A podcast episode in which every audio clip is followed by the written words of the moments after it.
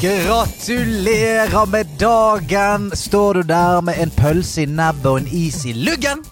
Går du i nederlandslagets tog eh, nede på Karl Johan? Eh, uansett, gratulerer med dagen. I dag så sitter han her i full eh, bunad. Adams bunad sitter han med i. Kliss naken.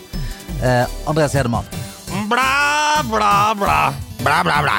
Bla, bla, bla. Litt sånn tungt, litt kjedelig catchphrase. Ja. Ja, for det er, det er en umotivert catchphrase. Ja. Når folk sier sånn, så sier de Vet du hva? Jeg orker ikke høre på det du sier. Bla, bla, bla. ja, det er veldig bra å komme inn i et rom og si bla, bla, bla. Da har du skjoldet oppe. Ja, Da, har ikke du, da er ikke du tilsnakkende. ja. Men det kan være en litt sånn sitcom-aktig eh, inntreden også. Hvis du står utafor rommet, hører at det er masse diskusjon Ja. bla, bla, bla, på pauserommet på jobben der, Da kommer det en bla, bla, bla. Bla, bla, bla. Uh, nå er jeg her. Ja, nå er jeg her skal Ja. Det er Helene Freda som har sendt den inn på vegne av en annen. Hun skriver bla, bla, bla. Kan sies på egenvalgt måte. Høyt, lavt, tonasjon, betoning, pluss, pluss. Eh, eller pluss. Det er lavt også. Ja. Bla, bla, bla. bla, bla. Du kan også legge til en Det er litt sånn konfliktskyes. Ja. Bla, bla, bla, bla, bla. Bla, bla. Hva sa du for noe? Nei, sa bla, bla, bla. Bla, bla, bla, sa jeg. Jeg vil ikke høre bla, bla, bla, bla, bla. For det er Alexandra som har sendt inn. Ja. Så tipper jeg da er av de nærmeste gener til Helene Freda.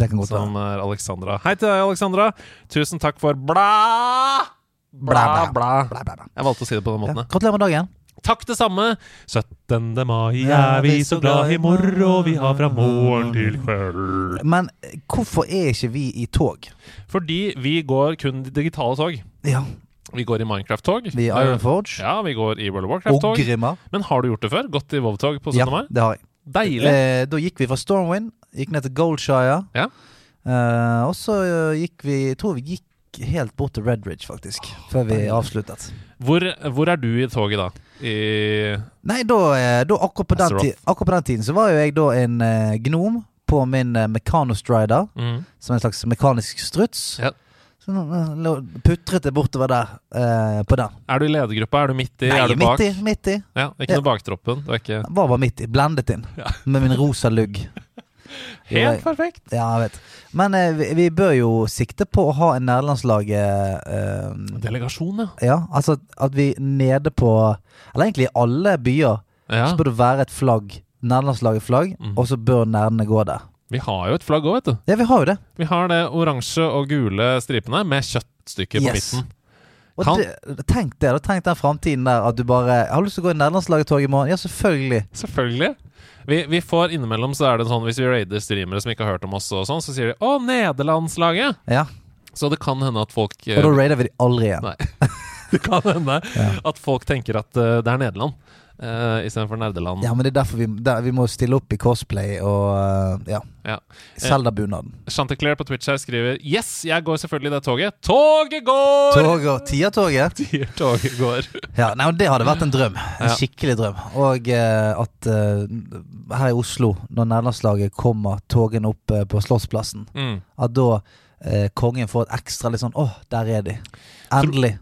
Tror du man må ha lisens, eller kan man bare sende inn malen for trykk til f.eks. Norsk Flaggfabrikk og få trykket sitt eget flagg? Er det sånn at uh, Det, det må vel være greit, tror ikke? Eller er det sånn at de, de kun har lov til å, og, eh, printe offisielle flagg? Nei, Ja, for når... det, er jo sånn Norske Kvinners Sanitetsforening, eh, de har flagg. ja.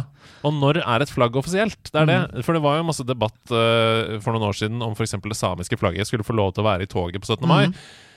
Jeg mener ja, Kanskje ikke sidestille nederlandslaget med det samiske folk. Nei, nei, det kanskje nei. ikke gjøre. Men, men, Det men eh, hadde vært skummelt. kanskje nederlandslaget passer bedre inn i pride, da? For da er man stolt av Ja, å være kan ikke det nerd, være liksom. begge, da? Kanskje være begge der, da? Ja. Ja. Jo. Ja, ja, sånn, hvilken, eh, hvilken enklave hører du til? For det er det jeg føler at hele eh, 17. mai-tog-greiene Det er hvilken enklave er du med i? Mm. Er du med i uh, Bekkelagets eh, 5B? ja. Er du med i, eh, er du med i uh, Ski fotballklubb? ja. Eh, altså I Bergen spesielt, eh, der er det veldig sånn. Der er det Tannlegeforeningen. Ja, men De det er jo eget. mye morsommere! Ja, mye gøy. Og da eh, drar de rundt på en stor tann og kaster ut godteri til folk og sånt. Det er mye mer Samba de Janeiro i Bergen. Gi det til meg. Ja. Det høres ut som det toget som kommer før hovedfeltet i Tour de France. Ja, Da er det sånn en stor tann, Kødden. og så er det ja det er kødden stemning. en stor vannflaske, så er det sånn «Fortsett med lær! Her kommer vann til dere! Ja, ja. kaster Og, ut. så I Bergen så tror jeg du kunne fått eh, nederlandslaget inn i eh, det som de kaller for hovedprosesjonen. Ja. Hovedprosesjonen, eh, der eh, går nederlandslaget eh, rett foran Brann. Se for deg en sånn dobbeltdekkerbuss mm. eh, fra, fra England, bare at den er stilt på høykant. Og så er den eh, gjort om til et PC-kabinett. Oh, ja. Jeg trodde, no, no, jeg trodde det var sånn at han er på vei til å bli en transformer, liksom. Ja. På vei fra dobbeltdekker til Ja. jeg så for meg et PC-kabinett, da. Så du kan stå folk oppover i etasjer på en måte, Ja. inni og bare wow, wow, wow, kaste ut. Svinge seg fra USB-kabler som bare henger og dingler og sånn. yeah! Yes! Ja takk. Eh, Ja takk. Du, jeg så at når jeg sa Brann, så skulle du til å si Ja, de har jo kommet til cupfinale i helgen. Skal du der, Stian? Og der kan jeg bare svare med en gang. Ja, det skal jeg. Ja! Og jeg gleder meg veldig. Blir ikke det gøy? Det blir skikkelig gøy. Eh, det, vi, er tolv bergensere som skal bort der og, eh, og skrike og gaule. På Tullevoll. På Tullevoll. Men har du troa? Ja, Mm. det er jeg programforpliktet til å si. For jeg har også troa, nemlig. Jeg tror dette er året, altså. Det kan være året. Det er i hvert fall veldig gode forutsetninger, Mm. med en Bård Finne i knallform på Ja. topp der. Og så er jo det, men det har vært det, Apropos tog, det var egentlig det jeg skulle si. For det, det har vært eh, Brann går alltid toget i Bergen. Oh, ja. Alltid. Okay. Mens nå har jo plutselig cupfinalen eh, havnet på et sånt rart sted. Ja. Så da er det jævlig diskusjon, skjønner du, okay. i Bergen om hvorvidt Brann bør gå i toget. Da én side som sier sånn Ja, selvfølgelig skal de gå i toget. Et, et, et 17. mai-tog uten Brann, ja. det er eh, Det finnes ikke. Nei, nei. Og så har du andre siden som sier sånn Jo jo, men da får ikke de restituert, for de spiller jo 16. mai, mm. spiller de kamp, og så skal de gå i tog 17, og så skal de spille kampen i Nei, dette her Dette går ikke bra. Men kan vi ikke bare gå en lite stykke, da? Altså, Alle vet jo at du har restitusjon. Det er ikke bare å sitte stille. Nei. Du må holde musklene litt i bevegelse. Ja, og det er til og med en sånn professor som mener at, eh, at hvis det går 30-60 minutter, så er det bra for restitusjon. Og den hyllesten de får i toget, at den faktisk er positiv. At, eh, Bare bergensere som kan dra dette så langt. Ja, men det er- det det- professor Ja. som mener! Ja, det, er liksom, det, er, det er professorer som krangler, og det er Og det elsker jeg med Bergen. Det sånn, det, det kan, dette kan holde på helt fram til cupfinale. Og hvis Ja, de taper, så kommer det noen som sier sånn Det var det jeg sa! Mm. De skulle ikke gått i toget. Jeg tror det var i den aller første episoden av Nederlandslaget, så sa du nerder er folk som elsker. Ja. Det, og, og, ja som elsker, og som elsker with a passion. Ja. Uttalt elsking. Ikke Ja. bare sånn elsking inni seg. Så Brann-fans er jo kanskje Norges største nerder. Da. Altså, eh, altså det, nå, eh, nå drar jeg det langt, men bergensere i seg sjøl, Ja. de er veldig nerder på Bergen. ja. For det der er det sånn eh, Hvis du har lyst til at noen skal fortelle deg hvor, ber hvor bra Bergen er, så er det bare å spørre bergensere. ja. For de kan fortelle deg i det lange og brede hvorfor Bergen er Jeg var, eh, jeg var produsent på et opptak vi gjorde på en TV-produksjon en gang. eh, i, hjemme i et privathus i Bergen. Og da kom vi da Vi hadde selvfølgelig med en produksjonsleder som hadde med seg frukt og forskjellige ting og sånn. Hun hadde med seg kaffe. Ja. Hadde med seg Ali kaffe. Mm. Moren som eide det huset, hun dro umiddelbart ut For og kjøpte frile. Ja, ja. Ja. Bytta ut alle posene. Kan ikke ha det her. ja, ja. Kjæreste, hva i helvete du holder på med? Få det vekk. Så alle alle kaffeposene ble bytta ut med Ja, Frida ja, ja. i løpet av de første ti minuttene av innspillingen. Ja, altså, det det, det er så Bare sånn uh, For å avslutte Bergensseksjonen her. Ja. Hvis det er noen som uh, har lyst til å høre hvor teit og deilig og fantastisk det er å være bergenser, så er det en podkast som heter Noe for seg sjøl, Mm.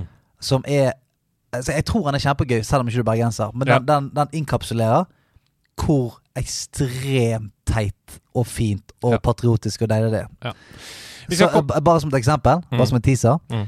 Det er, vi har kalt togstasjonen i Bergen Jernbanestasjon. Jernbanestasjon har vi kalt den i alle år. Så eh, når Vy kom eh, inn, in, så ville de at alle Bare for enkelhets skyld at det skulle hete Bergen stasjon, Stavanger stasjon, Trondheim stasjon osv. Så, videre.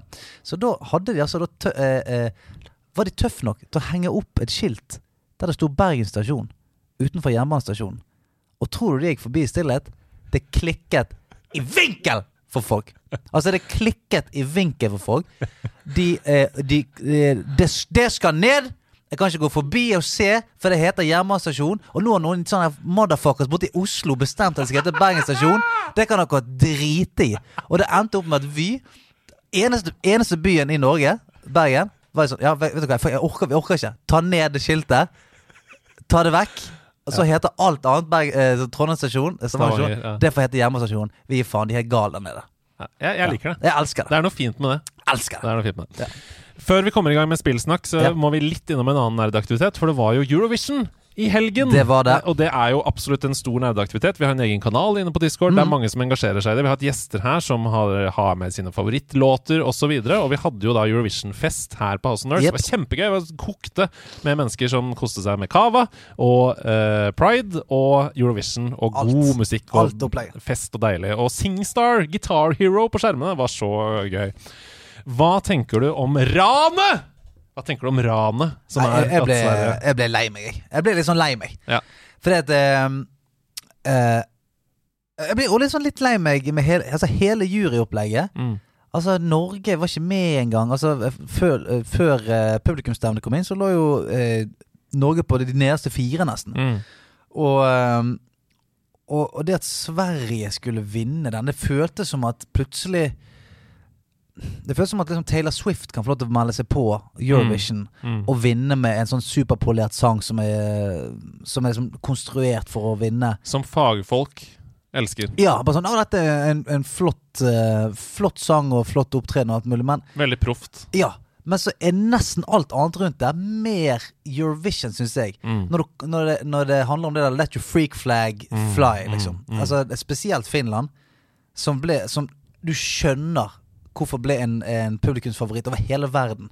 For det er bare Det er så gøy og crazy og bare sånn Ja, det, det har den essensen som vi snakker om. Mm. Det er bare sånn Bare la det være rart, og la Ja. det være fritt, og bare, bare lag deg en, en kreasjon i grønn lateks og Ja. baris og bare, Og når du klarer å lage en låt som er så ukonvensjonell og så rar, men likevel så sykt catchy, Ja, ja, ja. da har du knokket en kode. At, at Altså- hele publikum chanta det. Jeg husker det var noen som sa Det var en regissør var en sketsj eh, en gang som sa Det er lett å lage en god film. Det er bare å lage noen biler og noe som kysser og noe skyting og sånn. Det er lett å lage en film som alle elsker. Jeg vil lage en film som bare noen elsker. Ja. Ikke sant? Ja. Og det er litt sånn Hvis du klarer å lage noe som er ukonvensjonelt og fortsatt blir en hit, Mm. da mener jeg det må hylles. Altså Finland fikk 18 tollere fra folk. Sverige fikk null.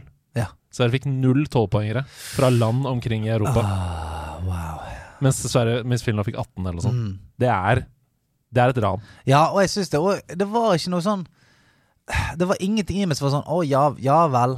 Det var mer sånn Ja, men det der var jo Det der var liksom den kjedeligste Det kjedeligste innslaget. Ja, det Ja. var, det var en catchy sang, og det var bra, men det er sånn Det er bare Det, det er så flinkt og Ja, altså, Det var en fin låt, altså. Ja. Men det er, en, det er en seier med bismak for Lorraine også. Fordi hun står der på scenen og blir bua ut, Ja, ja. og folk i salen Det er en full sal i Liverpool som alle sier tja, tja, tja, tja, tja, tja, cha!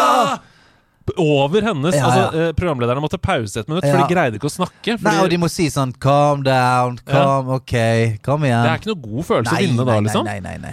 Nei, Så sånn var det. Ja. Eh, men gøy var det lell. Gøy var Det lell. gøyal kveld. Gøy var det lell. Ja. Men det var, var mye Var mye dårlig Var mye dårlige innslag, syns jeg. jo. Ja, syns du det? Ja, jeg syns det var, var Altså, det var eh, Jeg syns det var half and half. Jeg syns Ja. det var ti gode, så var det ti som var sånn meh. Altså veldig meh. Mm. Og det er vittig. Når du begynner å tenke Når du, når du ser noen innslag, så tenker du sånn Dette var det beste de hadde. Altså de, Hvis de har samme grense vi har i Norge, at det er masse folk, og det er stemming, og du kommer videre, og er finaler, så kommer du til internasjonale, tenker du Hvordan i helvete kom dette her igjennom, da? Ja. Hvordan var de andre? Ja, ja. Ja, Ja, det er et godt poeng. Jeg uh, likte veldig godt Tsjekkia. Eh, Var det de som kom i sånne her eh, Lange hestehaler. My oh, ja, sister's crown. ja, ja, de. Men hvem var det, uh, hvem var det som kom uh, som var sånn en blanding av Dr. Pepper og gamle diktatorer? Å ja, uh, det var Kroatia. Ja, Som hadde tog... Nei, eh, traktorsangen. ja, for der var jo sånn Hva var det andre som ikke kom videre? Ja, fy faen, altså. Det var helt krise. Ja, det var, Ja. det var terningkast én for meg også. Ja, det, var men- ikke, det var ikke gøy engang. Men, det, det men du trenger de. Det er det Ja. som for meg gjør Eurovision. Du trenger det der så du tenker sånn Hva i helvete er det som skjer nå? Ja, ja, ja. Du må ha det. All right. Enig. enig. Um, før vi begynner å snakke om Tears of the Kingdom, for det blir eh, tross alt, til dere som hører på, et langt segment i dette Hva vi har spilt siden Mhm. eh, segmentet. Og vi skal gjøre det samme som vi gjorde sist. Vi, vi skal ikke spoile store story moments, sånn at dere får sånn Å, shit, nå fikk ikke jeg oppleve det. Men vi skal snakke om mekanikk, vi skal snakke om vår opplevelse med det og sånn. Mm. Men hvis du ikke vil vite noen ting, så skal jeg gjøre sånn som jeg gjorde forrige uke. Eh, sette inn en liten snutt som er sånn Ding, ding, ding, ding. Ja. Du kan nå hoppe fram til ba-ba-ba hvis Ja. du vil hoppe over det. Ja. Men før vi snakker om uh, Tears of the Kingdom, har du spilt noe annet? Jeg har det, altså. Ja, jeg ja, òg. jeg har det. Ja. Jeg har det. Jeg har spilt, uh, spilt litt, jeg. Ja. Eh, du var jo så snill og minte meg på at nå er, nå, nå er det i gang igjen inne i Hearthstone Battlegrounds. Mhm. Og eh, jeg begynte å spille litt, og der har de gjort veldig mye fint. Veldig mye. Veldig mye fint. Altså Nå er det dritspennende å spille Battlegrounds igjen. Det føles fø Nå føles det bra igjen. For Ja, nå har de, de har fjernet buddy-systemet, Mm. som var helt Broken. crazy. Ja. Ja, eh, og så har de fjernet Quest-systemet. Mm. Så nå er det veldig mye mer eh, Sånn som det var. Du, du føler at, at de valgene du gjør rundt kort og sånt, Mm. ikke er, forgjeves. For du vet at ja, men det er en fyr som har fått et Quest som Mm. Som kommer til å pisse på meg uansett. På et tidspunkt. Så det føles veldig godt. Og så er det masse nye, spennende, gøye kort. Altså Hele Murloch-metaen er, er changet opp. Du har, altså, de, de, de har klart å skifte metaen innenfor de forskjellige um, underklassene totalt. Mm. Spiller du Demon, spiller du Dragons. Det er liksom en annen type måte å spille alt på. Mm. Så jeg, Det var veldig overveldende for meg når jeg begynte. Mm. Tapte masse. Ja. Taper fremdeles veldig masse. For jeg, jeg klarer ikke helt å finne ut av det. Um, men det, det er skikkelig kult nå, syns jeg. Så Min favorittendring er at Poisonous har blitt Venomous. Venomous, ja. Mm. Sånn at hvis, uh, hvis Poison trigger, så forsvinner den. Yes. Det er bare én gang. Yes, yes, For det verste å møte, det er Murlocs med Poison og Divine Shield. Og fucking Wind Fury, og bare sånn Sånn at jeg bare kan- slapp av. Poison, poison, poison, poison Gang etter gang Ja. etter gang. Det går ikke an å deale med nesten. Nei. Så Venomous, veldig, veldig god forandring. Uh, men jeg liker det, jeg også. Eh, jeg liker også at metaen ikke er så veldig aggressiv. Mm. At det ikke er sånn Du må bare du, du, du må bli på tier 1 og 2 lenge for å bare gønne på Mm. og knuse alle de andre med en gang. Det liker jeg at det ikke er nå. Du kan fint uh, levele opp eh, ganske raskt Ja. oppover i nivåene. Ja, ja, og så er det Nei, jeg syns det, det er superspennende. Og Mm. så er det Nå er det så et jævla godt mangfold med heroes òg. mm. Sånn, den nye heroen som er ved han eh, bandmanageren. Ja, ETC, ja. Ja, Mm. som eh, da har en buddy. da ja, ja. Men det, er, det, det føles mye fetere å ha det som er hero power når ingen andre har buddies. Mm. Kontra når alle, når alle For du kan gjøre noen veldig sånn gøye, risky plays. Mm. Det er blant annet en sånn death rattle-mob som gjør den eh, mobben helt til høyre golden. Mm. Så det vil si at det å få den eh, tidlig Så har du eksempel en Tarkigosa som, er, som beholder enhancement. Så kan du bare faen meg rullere ut. Jeg hadde sånn tre gulltak i gåsa en gang. Ja. Eh, så du kan gjøre litt sånn gøye plays. Så det har jeg spilt. Og så eh, har jeg spilt litt eh, New World igjen. Ja, du er, å, du er inne i et uh, MMO igjen. Ja, men eh, bare virkelig bare inn og dippa. Bare fordi at eh, det kom noen eventgreier. Og så har jeg noen venner som fordi jeg spiller litt og sånn, så eh, poppet jeg inn. Og det jo er liksom på et godt sted nå. Det har kommet masse nye dungeons, eller expeditions som det heter. Eh, masse, masse nye måter å på en måte prog eh, progresse heroen din på. da Og ja, det er et slags Mythic Plus-system der med, der du kan gjøre Gjøre dungeon helt opp til pluss 10, få bedre rewards og Mm. Altså, det føles eh, Det føles som det når, når du går inn, så er det sånn ja, jeg, Uansett hva jeg har lyst til å gjøre, jeg får ikke tid til å gjøre alt i dag. Nei. Og det føler jeg er en bra greie for et MMO. For det, det som ofte dreper den MMO-opplevelsen for mange, er at du kommer til et punkt der bare sånn men nå har jeg liksom gjort alt. Jeg kan, jeg kan liksom Jeg kan grinde litt gull, eller jeg kan liksom gjøre ditt, men okay. Det er bare sånn, det føles ikke uh, Hva skal jeg si, det føles ikke um, rewarding å deale med de tingene. Det er ikke progresjon, du blir ikke mye sterkere. Det er bare sånn små ja, Liksom i Destiny 2, da. Når det ikke kommer noe nytt innhold, så bare går du på en måte og gjør Du spiller for å spille. Ja, du bare, noe- du bare stacker opp noen Ja, ja. ingredients og sånn. Så det syns jeg er på et veldig godt sted, og det, og det virker som at de som eh, jobber med det, fortsetter bare sånn du, vi, vi skal gjøre dette til et bra spill. Mm. Innen liksom det, de neste årene skal det bare komme mer og mer. Så, så det, det er liksom Man skal ikke, skal ikke sove helt på det. Jeg tror, jeg tror de som spilte det og likte det, tror de skal bare liksom ha et lite øye på det. Sånn, Ja. Ikke, ikke, ikke hardspille det, men bare sånn Kanskje dippe inn av og til bare for liksom å se litt hva som skjer. Fordi at eh, nå skjer det masse kult der. Det er jo Eh, Amazon som lager Det dem. det, ja. Og det er jo utrolig kult å høre, da. Mm. At de har bestemt seg for å fortsette å satse på det. Altså fortsette å Ja. følge det opp og gi det innhold. Mm. Fordi det er jo ingen nesten som er Altså hvem er det som Det er, som, det er, De er så svære, da. Ja, ja. Det er liksom Microsoft, Amazon Ja, og så er det lett, lett å bare gi det opp. For Ja. det, gikk så, det var så jævlig humpete i starten. mm. Superhumpete i starten. Men så gjorde de en geni- genistrek, som var at de startet eh, Etter at de hadde fått shit sitt, eh, shitet sitt på plass, så startet de ut, opp fresh servers. Mm, mm. Så det vil si at da kunne du ikke eh, Altså du kunne ikke benytte deg av, no, av alle de feilene som hadde skjedd Ja, før. For det som. Mm. ja, det som skjedde i begynnelsen, var jo at eksempel folk kunne trykke gull. Altså det vil si at ja. Sånn og, og på et spill som har mye med økonomi å gjøre, sånn, du styrer forskjellige eh, land, eh, landsdeler og sånt Det er jo makt, liksom. det, ja, det, det, ja, er Ja, og, og ikke minst at sjeldne varer faktisk har verdi. Sant? Mm. Så da plutselig kunne folk begynne å spille igjen uten en, en økonomi og en verden som var på en måte ødelagt av masse bugs, som det hadde vært det forrige året. Mm. Så da fikk det en jævlig ny giv. Og, og det tror jeg ga også utviklere en ny giv òg. For bare sånn Å ja, men nå, nå ser vi litt hvordan det kan fungere. Mm. Så det, de er flinke med å komme med seasonal events, og, eh, og det, er, det er fremdeles kriger og invasions og Ja, det er veldig kult. Det jeg prøvde å si på en litt sånn rotete, klønete måte i stad, er at f.eks. Google de ga jo opp Google Stadia Ja. fordi Mm. de kan det. Fordi Mm. de er det største, de er et stort Ja. selskap. Det er bare OK, det funka ikke, vi gir det opp. Ja. Eh, Men Amazon de kunne også gjort det. Et stort selskap. Det er ikke sånn at de har alle eggene i den kurven. Men likevel så følger de det opp, da. Ja. Og det er prisverdig. Jeg, jeg er helt, helt enig. Det kommer liksom nye altså de, de gidder å fikse småting hele tiden og pushe videre. Eh, og så har jeg spilt eh, Honkai Star Rail. Ja! Mm. Wow! Fortell. Det er jo et eh, så, såkalt gacha-game. Ah, det du har er Du sendte melding i vår WhatsApp-gruppe og skrev Ja. sånn jeg er, jeg er på kjøret. Jeg er på kjøret, jeg har falt ned i gacha. Jeg begynte først å spille Cookie Run Kingdom i, Ja! i påsken. Ja. Og så eh, var jeg på vei til å spille eh, Som tar opp en Genshin Impact, som Oi! også er et sånn eh, ga- altså et eh, Du skal MMO. runde lootbox-land? ja, men eh, på vei inn der så så jeg på Genshin Impact-gruppen på vår Discord. Mm.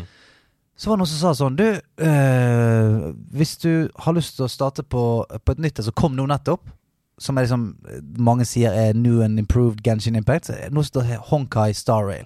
Mm. Så gikk jeg inn der, og det er altså sånn hands down virkelig bra. Mm. Altså skikkelig bra. Eh, Storyen er gøy.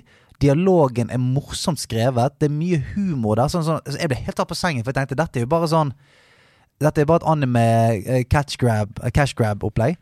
Men det er, det er sånn uh, Hvis du leser på et dokument som ligger på et bord, så er det, no, det er noe funny der. Ja.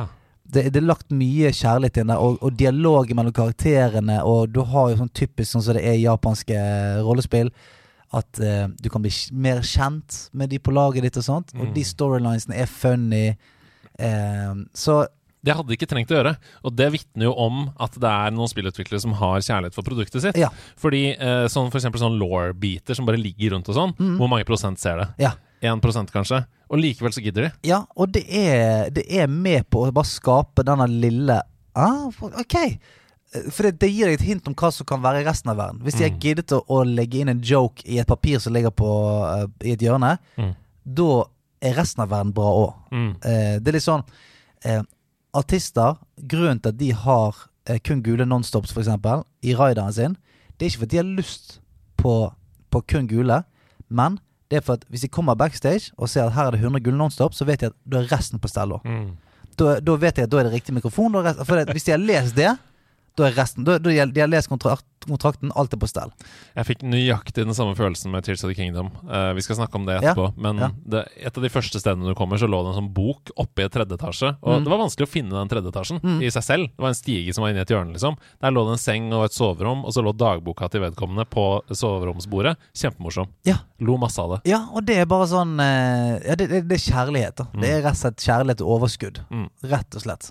Så uh, Honkai, Star Rail, hvis du liker sånn uh, Og det, det som er digg, det er cross progression, så du kan spille det på PC-en din, og det funker kjempefint. Så kan du spille det på mobil også. Ja. Og det er sømløs cross progression. Sånn at uh, du kan nesten være mid-fight på PC-en, og så kan du gå over på, um, på mobil. Det er jo veldig bra tips nå som det kommer eh, fridager Mm. i fleng, og det kommer snart en sommerferie også. Eh, jeg tenkte litt på det, for jeg drev og uh, grubla litt på de fire store. Jeg tenkte sånn, Skal jeg ta de fire store spillene og ta med seg på ferie? Ja, ja. Men det tror jeg vi tar når det nærmer seg Ja. juli isteden. Men dette er kjempebra tips, da. Og så er det turn-based. Oh! God gammel sånn turn-based, og det er litt sånn Pokémon i der at det er eh, Du må sette opp teamet ditt for at du har en som har wind, en som har fire, en som har ice, for at du møter kanskje fiender som har eh, weaknesses der. Ja, det er kjempekult. Jeg liker det. Eh, så prøv det. Musikken min er det Ja. Har jeg spilt noe annet?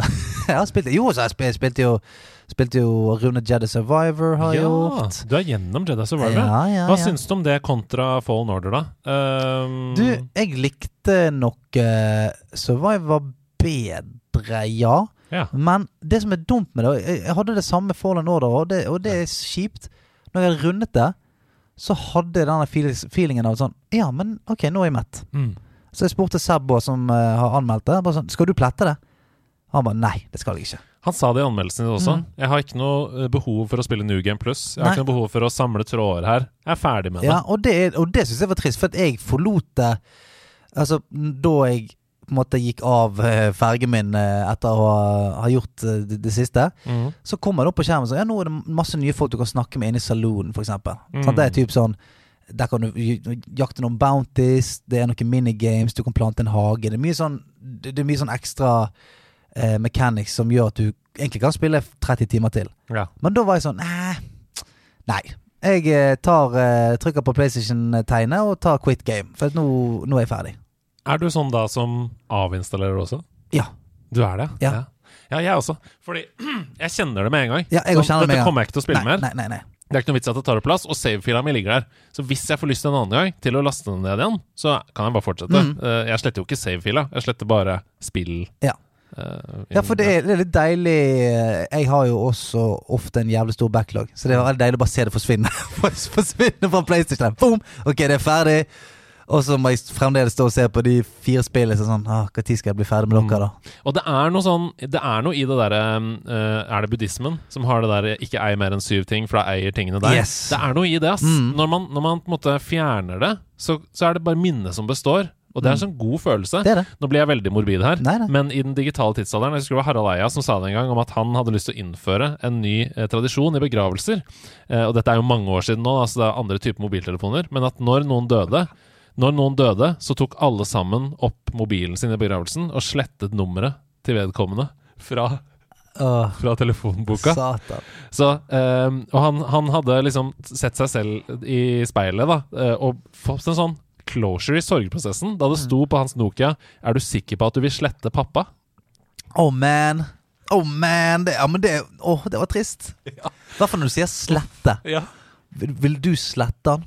For det, det er jo akkurat det du ikke har lyst til. På sånn, ja, men Mine skal aldri bli slettet. Og så når Ja. noen spør Vil du slette den? Er du sikker på at du vil slette Oh pappa? man. Ja, nei, men det er noe sånn helende med det også. Jeg synes det. er Katarsis, som de ja, kaller det. Sjelerenskelse. ja. Deilig. Mm, ok, Gi meg tre sekunder, så skal jeg tenke på om jeg har spilt enda mer. Ja. Men jeg tror kanskje det holder. Jeg har spilt, Ja. noe, jeg har spilt noen CS-matcher, eh, Ja. men eh, Ja, men det er sånn bread and butter. Du spiller er litt Inn, inn, Apex. ja, altså, inn, og, inn og pitter litt. Så jeg, jeg forresten jeg har ikke fått spilt den, men folk som har spilt den nye Apex Legends-sesongen nå, Mm. kom til en ny uh, enda en ny hero, Mm. og folk sier at han er veldig veldig kul. Så Ja. det, det kan være verdt å teste. Verdt å sjekke ut. Mm. Jeg har uh, falt eh, helt ned i Tears of the Kingdom-gryta. Jeg jeg kommer ikke til å komme ut derfra Nei, på, du, du uh, på en måned, liksom. mm, Du sa det første kveld, du. Ja. Nå er det kjørt, liksom. Det kjørt, ja. Hva skal jeg gjøre med innholdet i NL? Det blir bare Tears of the Kingdom. Nei da, men jeg skal finne på andre ting å spille også. Bare Nei, for å jeg, ha noe kan, jeg kan ta meg av det andre, jeg, ja. siden du er så dypt. Men jeg har aller først så har jeg spilt, for det kom et tips inn i innboksen fra en lytter. Tusen hjertelig takk for det tipset. Eh, Nine Monkeys of Shaolin. Ja! Nine Monkeys of Shaolin. Er det et spill, det? Ja. Ja. Det er et spill, og det er inkludert i PlayStation Plus. Ok. Det er ikke inkludert i GamePass, så vidt jeg vet. Det er i hvert fall inkludert i PlayStation Plus hvis du har PS Plus ekstra. Og det er et beat em up-spill Mm, som er kjempebra! kult. Har du spilt det? Ja! Ja, ja. Jeg har spilt det, og det er virkelig kjempebra. Altså, det er sånn Hvis du liker Streets of Rage, for eksempel, så er dette bedre, Ja. syns jeg. For det er en historie i bånn her også. Og jeg er jo litt svak for den uh, tidsalderen. Uh, samuraier. Mm. uh, veldig den Hva heter det? Uh, Ghost of Tsushima. Ja, ja. Den følelsen, da. Mm. Og. Og så er det veldig kult tegna. Det er veldig mye mer sånn Ducktales-aktig tegneseriestil på det. Ja. Med en sånn Shaolin Munch da som fighter seg gjennom masse fiender og sånn. Eh, og det føles ut som noe man kan bli skikkelig god i Ja. òg. Det er et dypt kampsystem. da Ja, du har mange forskjellige måter å fighte på. Eh, du, du må mikse opp sånn eh, Noen skyter pil på deg, så du må mikse opp eh, og en kampsituasjon kan være å liksom parrye en pil, Mm. samtidig som du Mm. hopper med den staven bort og Ja, sparker ja, ja, ja, ja, i trynet. Mm. Gøy! Det, er sånn, ja, det, høres, det høres jo veldig sånn Kung Fu Panda-ete ut. Ja! Mm. Og det er veldig gøy og, eh, og bra og vanskelig. Og Ja. det skal jo være vanskelig. Ja, skal. Eh, så jeg spiller det på hard, eh, tror jeg, eh, og er veldig happy med det. For mm. det er sånn jeg dør noen ganger, men når jeg klarer det, mestring. Ikke sant? Mm. Eh, rundt omkring i tønner som du sparker ned, ligger det små supper som du kan hile med. Du vet Ja, ja. alt det man ønsker seg bryte ja. opp. Og vanskelige bosser som du må lære deg angrepsmønsteret på for å komme deg videre. Og en kul historie. Ja. Med en hub i midten der hvor du liksom tar nye eh, oppdrag og reiser rundt for å prøve å liksom fikse ting. da Så Nine Monkeys of Nine Shaolin. Monkeys of Shaolin. Gøy. Uh, og jeg har bare så vidt dyppa foten. Jeg har spilt det kanskje tre timer, eller noe sånt men jeg liker det skikkelig godt. Jeg kommer til å fortsette å spille det. Og det er ikke ofte jeg sier om beat em up-spill. Nei, for det er Det, det er ikke sånn du ofte I hvert fall ikke ofte du ligger deg på kvelden tenker sånn Faen, jeg gleder meg til å spille igjen i Nei, nei, nei. Og det er jo ofte også sånn som er mye morsommere co-op local. Ja. At man har hver sin kontroll og gunner rundt i Shredders Revenge der med fire eller syv turtles. Mm. Uh, og det er kjempegøy. Jeg vet ikke om det er noe local co-op-mode på Nine Monkeys of Shaolin, men singleplayer-moden er kjempemorsom. Eh, så hvis du liker den type spill, gå for det. Nå skal vi snakke om Tears of the Kingdom. Ja. Nå kan du hoppe frem til 4307 hvis du ikke vil høre om Selda. Du kan få begynne. Nei, du må begynne. For det, du har den største entusiasmen, Ja. og eh, jeg syns du skal starte. Jeg syns det var veldig gøy å se at du la ut sånn Er på jobb og jobber, i anførselstegn, og så zooma inn på switchen som lasta ned Tears of the Kingdom. Altså, jeg var på et opptak der eh, vi var veldig sånn av og på. Altså spilte inn, og så var det kanskje et kvarters pause, og så spilte vi inn litt igjen. Og da hadde jeg sånn Idet i det var sånn Ok, da tar vi en liten pause. Rett inn! Spilte et kvarter, og så ah, faen, og så ut igjen. Men var det entusiasme i gjengen også? Var det sånn at flere hadde fått med seg Det var sånn at folk, uh, folk satte seg ned ved siden av meg og sånn Å, er det, er det nye? Nye Zelda? Å, shit. Fordi sånn har det vært på alle arbeidsplasser rundt omkring. Ja. Og, altså Jeg ser så mange mennesker som jeg ikke ante at spilte spill, eller som ikke er noe tilknytning til oss i det hele tatt, legge ut liksom video av at de har vært på butikken og kjøpt Mm. spill, at de har stått i kø. Det Mm. er en sånn happening som går utover bare spillmediet, da. Yep. Som er utrolig kult å se. Jeg så for eksempel å, håndballkommentator eh, Høglund, Ja. hva heter han? Jo, på Via- la oss han, la oss bare kalle han det. Ja, eh, på Viasat. Han la ut sånn eh, Hvor lenge kan man ta egenmelding? Ja. Og så bilde av Ja, det, men det var veldig mange Daniel Høglund. Ja, Daniel Høglund. Mm. Det var mange som ikke, som ikke skjønte var glad i spilling, som Ja, var helt der. Mm. Ja, nå er det bare å liksom hive ungene på hytten. Altså, Folk var helt uh, vill. Eh, vår venn Kristoffer Pala, som har vært gjest her, og som også er programleder i Søndagsquiz med Hasse Toffe, la ut det bildet Er det noen i Bergen, fra på mediedagene, ser, som vil bytte en inngangsbillett mot Tears of the Kingdom? ja. Eh, Så det eh, Zelda-feberen eh, raser i nasjonen. Veldig. Det beste med det spillet er det jeg var mest redd for. Og det er at det ikke skulle overraske meg. Det Mm. overrasker meg hele tiden. Mm, Tears of the Kingdom tar meg på senga hele tiden. jeg er helt enig. Jeg hadde ikke trodd at det skulle være sånn som det er. Og det er litt vanskelig å si, fordi jeg vil jo at disse tingene skal overraske Mm. dere også, Mm. som spiller det. Men hvis du ikke Hvis du har venta med å kjøpe det fordi du likte Breath of the Wild, men du tenker sånn Dette er bare litt mer Breath of the Wild. Det er Nei, det er det ikke. det, er det ikke. Nei, det, det føles som noe annet, ja. Mm. Eh, og jeg har, jeg har fått spilt det mye mindre enn jeg skulle ønsket. Mm. Eh, for det har vært litt mye på hverdag i det siste. Men f kanskje fem-seks timer har jeg spilt. Og, og det som jeg, jeg glemmer meg litt eh, Altså når jeg spiller altså, Jeg husker jeg fikk det samme da jeg spilte Breath of the Wild. For jeg er så vant til den linære Om ikke linære Til og med hvis det er sandboxete, så har du en viss sånn Reglene er veldig sånn klare for deg ganske tidlig. Mm. Sånn som Horizon Zero Dawn. Ja, du, du vet at her kan du klatre på den veggen der. Mm. Så du skal mest sannsynlig opp der. Det kan gjøres, du kan ikke gjøre det. Det er ikke lov. Bom, bom, bom. Mens her er det veldig sånn eh, Her oppe skal jeg ikke. Eller vent litt.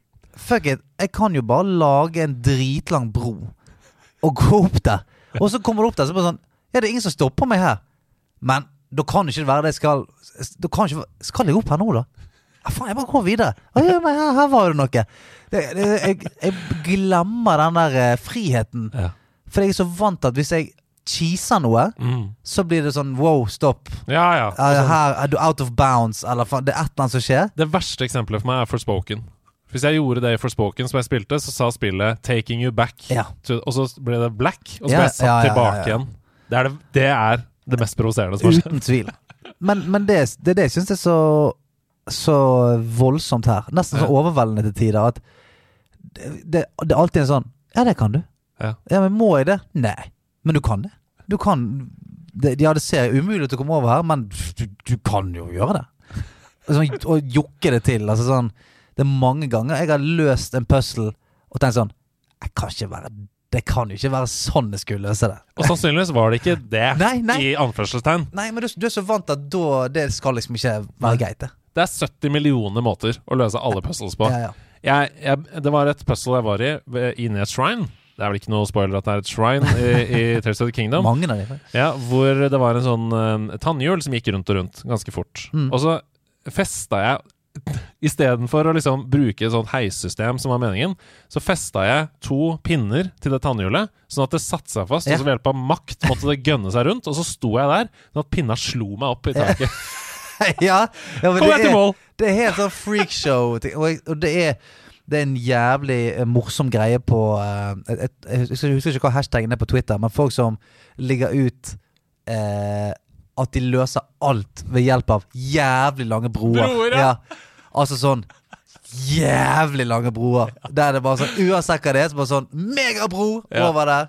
Kan vi gå for bro? Ja. Vi går for bro. Ja, og, det Det er og, og det, jeg tror det er det som gjør at Jeg tror det som gjør at de type spill Altså helt siden Breath of the Wild da og, og det som skjer igjen nå, er at det er tilbake til denne spillingen. Mm. Ekte spilling. Ekte spilling. Eh, for at før så var jo det ekte spilling fordi at spill i seg sjøl var litt clunky og buggy, Mm. og du, så plutselig så Plutselig så hadde du gått opp en vegg som du ikke skulle få lov til, og det var litt gøy. Og, Og du hadde ikke internett, nei, så du visste ikke hva som var riktig. nei, nei. nei. I anførselstegn. Nei, sant, og, og det opplever man nå. Sånn at, at uh, ja, du skal egentlig opp der, og skal du drepe de fem folka og kaste en bombe på den veggen, så kommer du inn i det, det fortresset. Mm. Eller du bare lager en jævla bro fra andre siden av fjellet, så er du inne der likevel. Det er jævlig det er, Deilig! Ja, det er det. Det Det er er, leking. Det er leking igjen. Det er absolutt det. Det er definisjonen av lek. Og de har skjønt det selv også. De har insp tatt inspirasjon av masse andre spill, Mm. som jeg ser eh, overalt når jeg går rundt der. Um, de har tatt tilbakemeldingen på at det morsomste med, med Tears of, nei, Breath of the Wild var at folk lagde sine egne fly og sånn, selv om Mm. det egentlig ikke var meningen. Ja. i anførselstegn. Og så har de bare sagt, vet du hva, hvis det er det dere vil, her er ti ganger mer av det. Mm. Uh, du kan lage alt du vil i det spillet. Og ja. jeg trodde det var sånn gimmicky, at det er sånn Det er bare kreativiteten som setter grenser. Det er veldig mange spill som sier ja, det. ja. Men her er det bare det, da. ja, ja. Altså, Det er så sjuke ting du kan lage, liksom. En av de første dagene så var det noen som hadde lagd en levende robot som gikk bortover. Hadde en flammekasterpenis. Yes. Som etter hvert spruta ild ut av, ut av tissen. Og Og så eksploderte den. ja, altså selvfølgelig. Det, selvfølgelig er det det du vil ha. Gi folket det de vil ha. Helvete, så gøy. Ja, Det er så gøy. Og historien opplever jeg som mye mer engasjerende. Nei, jeg har glemt storyen for lenge siden. Altså, det, men det For jeg jeg òg bare har rotet rundt så lenge nå at det er sånn Å, stemmer det, vi er jo på en mission her. Ja, ja, ja. Og det er eh, Altså, mainquesten uh, er uh, Historien er mye mer engasjerende enn Breath of the Wild. Ja. Det må jeg si. Det står mer på spill. Mm. Det føles rikere, og eh, at mer kan skje. Og så liker jeg Det jeg liker med det, og nå skal ikke røpe noe, men det kommer, det kommer raskt i gang. Mm. Det er liksom ikke Det er ikke mye mikk-makk. Mm. Det er sånn Vi er i gang, dette skjer, holy shit. Nå, vær så god. Vær så god. Det er ikke det er så, Den første cine- cinematicen kan, det er sikkert ikke mer enn en eh, to-tre minutter. Mm. Og den bare sånn eh, forklarer, og nå er vi her, og så begynner du å spille. Mm. Veldig ofte i sånn du, Det tar så jævlig lang tid å komme i gang ofte på de store spillene. Mm. Mens her er det eh, bare en liten, en liten sånn Nesten når du ser en serie sånn Previously on. Ja. Det er bare en dang, dang, bang, bom, bom, bom. Ting går til helvete. Lykke til. Og det er jo satt til Nå husker jeg ikke nøyaktig, men det er jo noen år etter Breath of the Wild. Mm. Det er en direkte oppfølger i timelinen. Mm. Uh, ja, I kanon. ja, Selda har klippet seg. Men ellers så refererer de på en måte til hendelser fra Breath of the Wild. Noe av det første de sier, er sånn Since we demo uh, fjerna Hva heter det? The Uh, Blight, Nei, han, han hun sier sånn um, Alle de forskjellige bossene i Breath of the Wild heter jo sånn Nø-nø-nø-nø, Ja, ja. Ganon. Nø-nø-nø-nø. Ja, ja, ja. Mm, ja. Ja, eh, anyways, since, vi siden jeg fjerna det, så har slottet forfalt, Stemmer. sier de eksempel. Mm. Så det kan ha gått et par år, det kan ha gått ti år, jeg vet ikke. Det kan ha gått 100 år. Ja, ja, de er liksom evige, evige mennesker. Men, men det er rett etter Calamity, sier chatten. Ja, Calamity. Calamity. Yes? Calamity, Ja. Tusen takk, Fark, i chatten. Ja. Um, og derfor så føles det også som at det Altså, jeg føler at jeg har en connection til Breath of the Wild når jeg spiller det. Eh, og alt det jeg gjorde der, det har jeg med Ja, meg inn. ja. Og det er en sånn deilig følelse. Ja, for da, om ikke du har spilt det, null stress. Mm. Men hvis du har spilt det, så får du den litt sånn Ja, jeg var jo med, jeg var jo med på de greiene der. Det du snakker om der. I was there, did it, bought T-shirt. Snakkes. Og det er de beste spillene. Der hvor du trenger ikke å ha spilt det første spillet uh, for å ha en god opplevelse, men du får noe mer Ja. hvis du har spilt det første spillet. Mm. Jeg syns alt er gøy med det. Jeg syns hittil ingenting er kjedelig. Jeg syns til og med tutorial done right, fordi det er learning by doing istedenfor sånn press A to jump.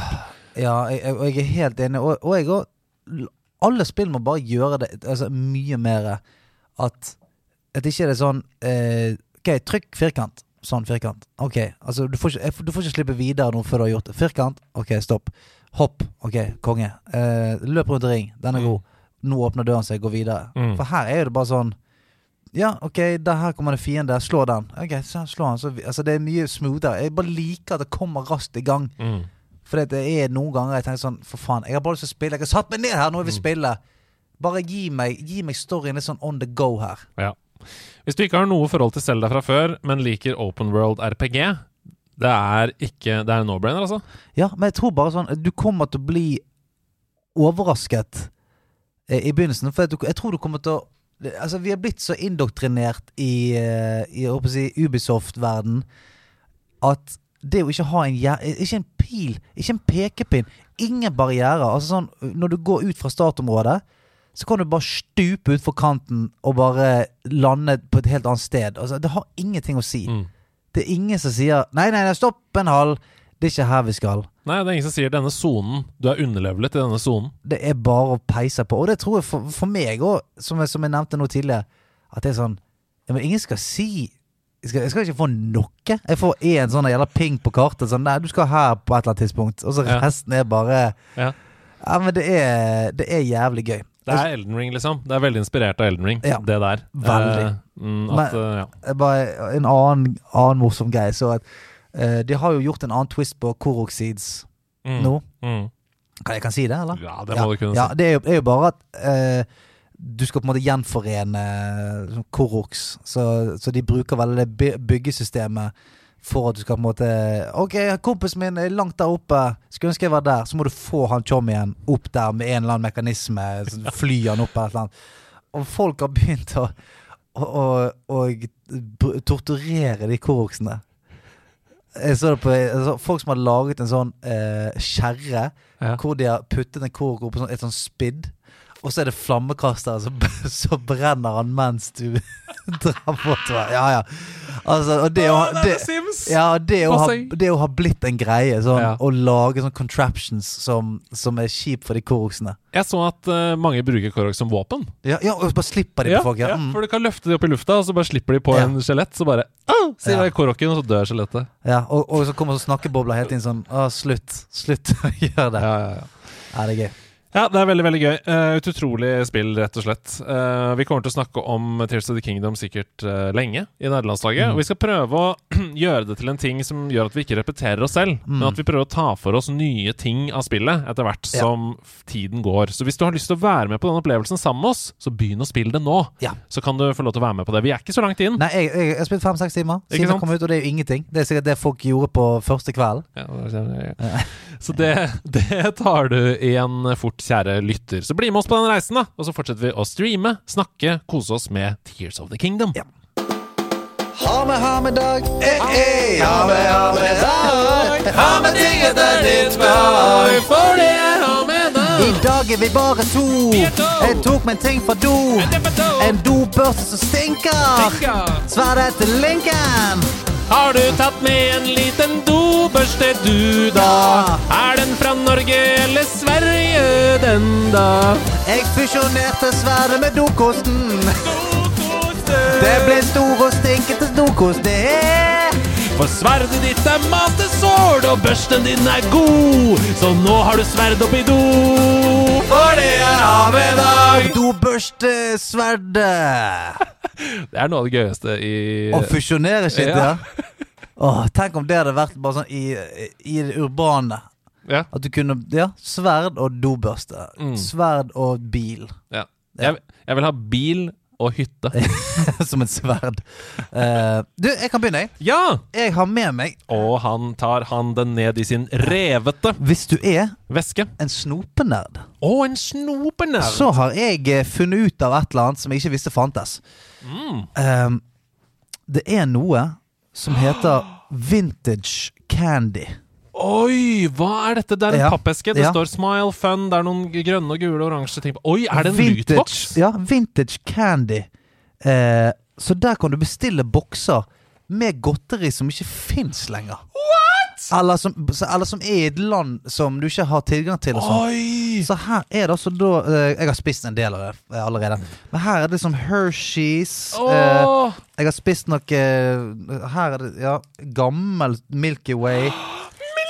Og her er det altså da Ruby Ruth. Baby Ruth heter denne her.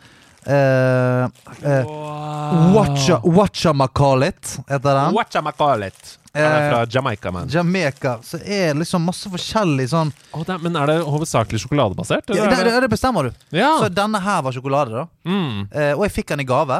Og så var jeg sånn Faen, hva er dette her for noe? Så gikk jeg inn på nettsiden. Jeg er usikker på Jeg lurer på om nettsiden står her. Og det er De har shitloads med forskjellige sånne eh, eh, 70's Kid, for eksempel. Søren. Eller eh, 90's Kid. Um, hva het Wow. denne her, da? Vintage Candy Co. Ja, Vintage Candy Co. Hva Jeg det skal som står på? så google det og se om jeg finner en Ja. uh, nettadresse her, sånn at folk også kan sjekke det ut selv. Ja, det er rett og slett vintagecandyco.com. Ja, vintagecandyco.com, ja. Ja. Ja, der er det så, Der kommer jeg til å, å bestille mer ting. Fordi at Og her har de liksom 1950s retro candy gift. Ja, som du ja, kan ja, gi til noen Bestefar, Ja, bestefar. Som bare Å, der er jo den fra jeg var. Ja, altså min, min far er jo en sånn type fyr som bare sånn De lagde en brus før som bare het appelsinbrus. Det var den beste brusen noensinne. Og du bare Ja da. Ja, helt sikkert. Ja da, bestefar. Her er sola. Ja.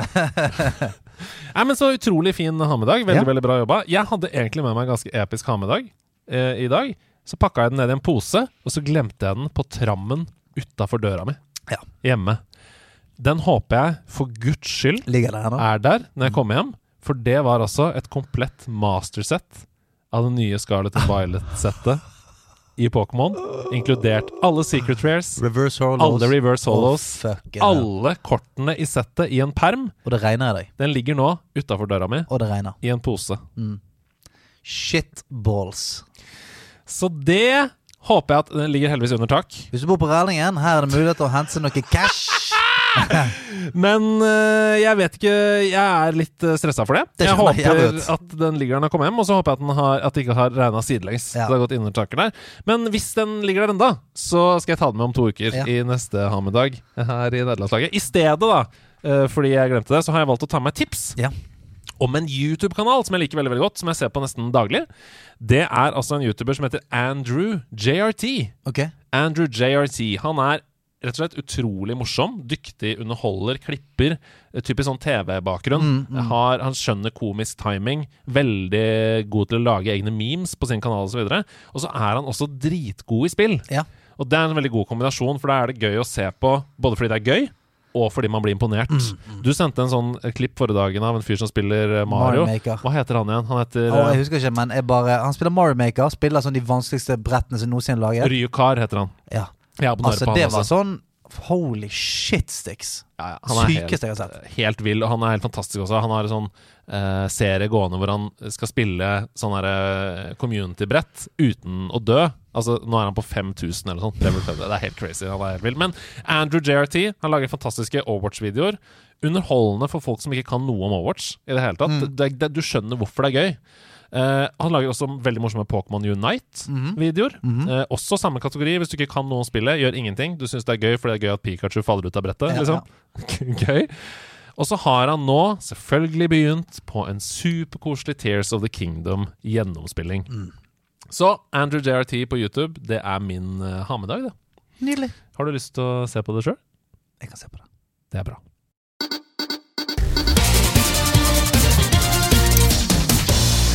Bla, bla, bla. Mitt navn er Andreas Hedman, og dette her, det er Nerdenytt! Klar for å diskutere litt eh, nyheter? Eller? Kanskje vi det, da? Ja, det er bra. Det skjer veldig mye spennende i norsk e-sport om dagen. Trippel 7 imponerer på hjemmebane, Mm. og Apex imponerer stort internasjonalt. Ja, kom seg til Eh, legende. er ikke det helt ja, ja. banano? Sluttspillet i Tellaligaen gikk av stabelen i Stavanger i helgen. Den siste finalen i CSGO, der var det trippel 7. Mm. Så fikk gleden av å løfte pokalen etter å ha slått Wizard 2-1 i De har vært Maps. gode De har vært faen meg gode de siste årene. Ja, Trippel har Vært supergod. Og veldig sånn bygge stein for stein. De har nå tatt De er vel liksom i Norge Ja, det er Apex, da, men, Nei, de, men altså, det, det er jo øh, Altså, her hjemme er jo det trippel syv som har vært best de siste Ja. årene. det er jo det. Mm. Så uh, ikke kondolerer i det hele tatt. Gratulerer Det er det. til Ja. trippel 7 100%. med en uh, utrolig imponerende byggeprosess av et CS-lag som leverer år etter år etter år. Mm. Nok en seier i Tellaligaen. Så til Apex, da. Du var inne på det. Akkurat nå så foregår jo majoren uh, i CSGO i Paris. Mm. Majors det er de største turneringene i CS gjennom året. Kall det gjerne Champions League Mm. i fotball. Og Apex har så å si feid all motstand av banen, altså. I de innledende rundene. Overbevist stort på vei mot Det sluttspillet. Den såkalte legend-fasen, som Mm. du sa, som de er i nå. Og Her møter de storheter som Face, Fnatic, G2, Navi, Liquid, for å nevne noen. De beste lagene i verden. Ja, det er dritfett. Eh, og det er utrolig hyggelig og gøy å se at et lag som fra bunnen av har bygget seg opp med norsk org, altså at mennesker som jobber der, er nordmenn, Mm. og alltid med et lag som delvis består av norske CS-spillere. Nå er det jo bare én, Jakem, Mm. men det har alltid vært nordmenn i Mm. stallen. At de greier å gjøre det så bra internasjonalt, det er veldig kult. Veldig kult. Veldig kult. Så gratulerer til dere. Eh, jeg vet ikke helt hvordan det går nå, i Legend-fasen. Jeg har ikke Jeg så, jeg så litt på i går, men det var ikke Apex. Jeg så vel Liquid mot uh, Bad News Eagles eh, i Mhm. Blast eller noe, men eh, Nei, jeg har ikke fått med meg hva, om hvordan det går med Apex. Nei, ta oss og gå inn og sjekk da, dere, hvis dere er nysgjerrige på hvordan de gjør det i majoren. Vi skal ut av landet. Tidligere i vår så ble det klart at CD Projekt Red hadde slengt alt arbeidet med et nytt The Witcher-spill kalt Project Serious Mm. i bøtta. Mm. Forkasta hele prosjektet, men nå har de snudd. I en melding til investorer så forklarer CD Projekt at utvikleren, altså Molasses Flood, som er et understudio av CD Projekt Red, de får fortsette med i hvert fall deler av arbeidet som allerede er utført, da. I stedet for å avskrive 86 millioner kroner i utviklingskostnader, så går, er det bare 7 millioner som går tapt. Så de, de tar med seg noe videre og fortsetter. Men akkurat hva Project Serious handler om, det vet vi ikke i det hele tatt. Eh, utvikleren sa i fjor at spillet kommer til å bestå av en historiebasert enspillerkampanje og en flerspillerdel i The Witcher-universet. Ja. Men liksom hva handling, hva figurer, hva lanseringsplaner Vi vet ingenting. Hvis du skulle liksom forge et The Witcher-spill, hva skulle det vært, da? I, i det universet, liksom? Altså, der er jo jeg litt sånn enkel sjel. Jeg har jo bare lyst på Altså, når jeg, når jeg liker en spillserie, Mm. så vil jo jeg bare ha sånn Jeg vil ha det. Litt sånn som skjedde med Tears of the Kingdom nå. Ja, ja. Jeg vil bare ha det, bare bedre. Altså alt som var eh, Quality of life-forbedringer og Ser bedre ut, f føles bedre. Eh, ny historie. ny historie, tingene er mye mer clean, noen nye crafting-system og noen nye eh, mekanikker. Så jeg er fornøyd, jeg. Mm. Det trenger ikke være noe helt nytt. Mm. Ehm, så jeg hadde ønsket meg eh, bare et helt nytt 120 timers Witcher-eventyr Ja. på, uh, Altså, vi skal vekk fra Skellige. Vi skal, vekk, vi skal på nytt sted. Ja, Nytt sted. spennende. Altså, det er jo det vi alle ønsker oss, selvfølgelig. Men jeg, jeg sliter litt med å tenke på flerspillerdel. Liksom. Det òg sliter jeg litt med også, ja. Med mindre de Altså, Ja, The ja. Last of Us gjør jo det nå, liksom. De lager en multiplayer-del Ja. eh, som blir det største prosjektet de har hatt, sier de. Større enn noen av de andre spillene.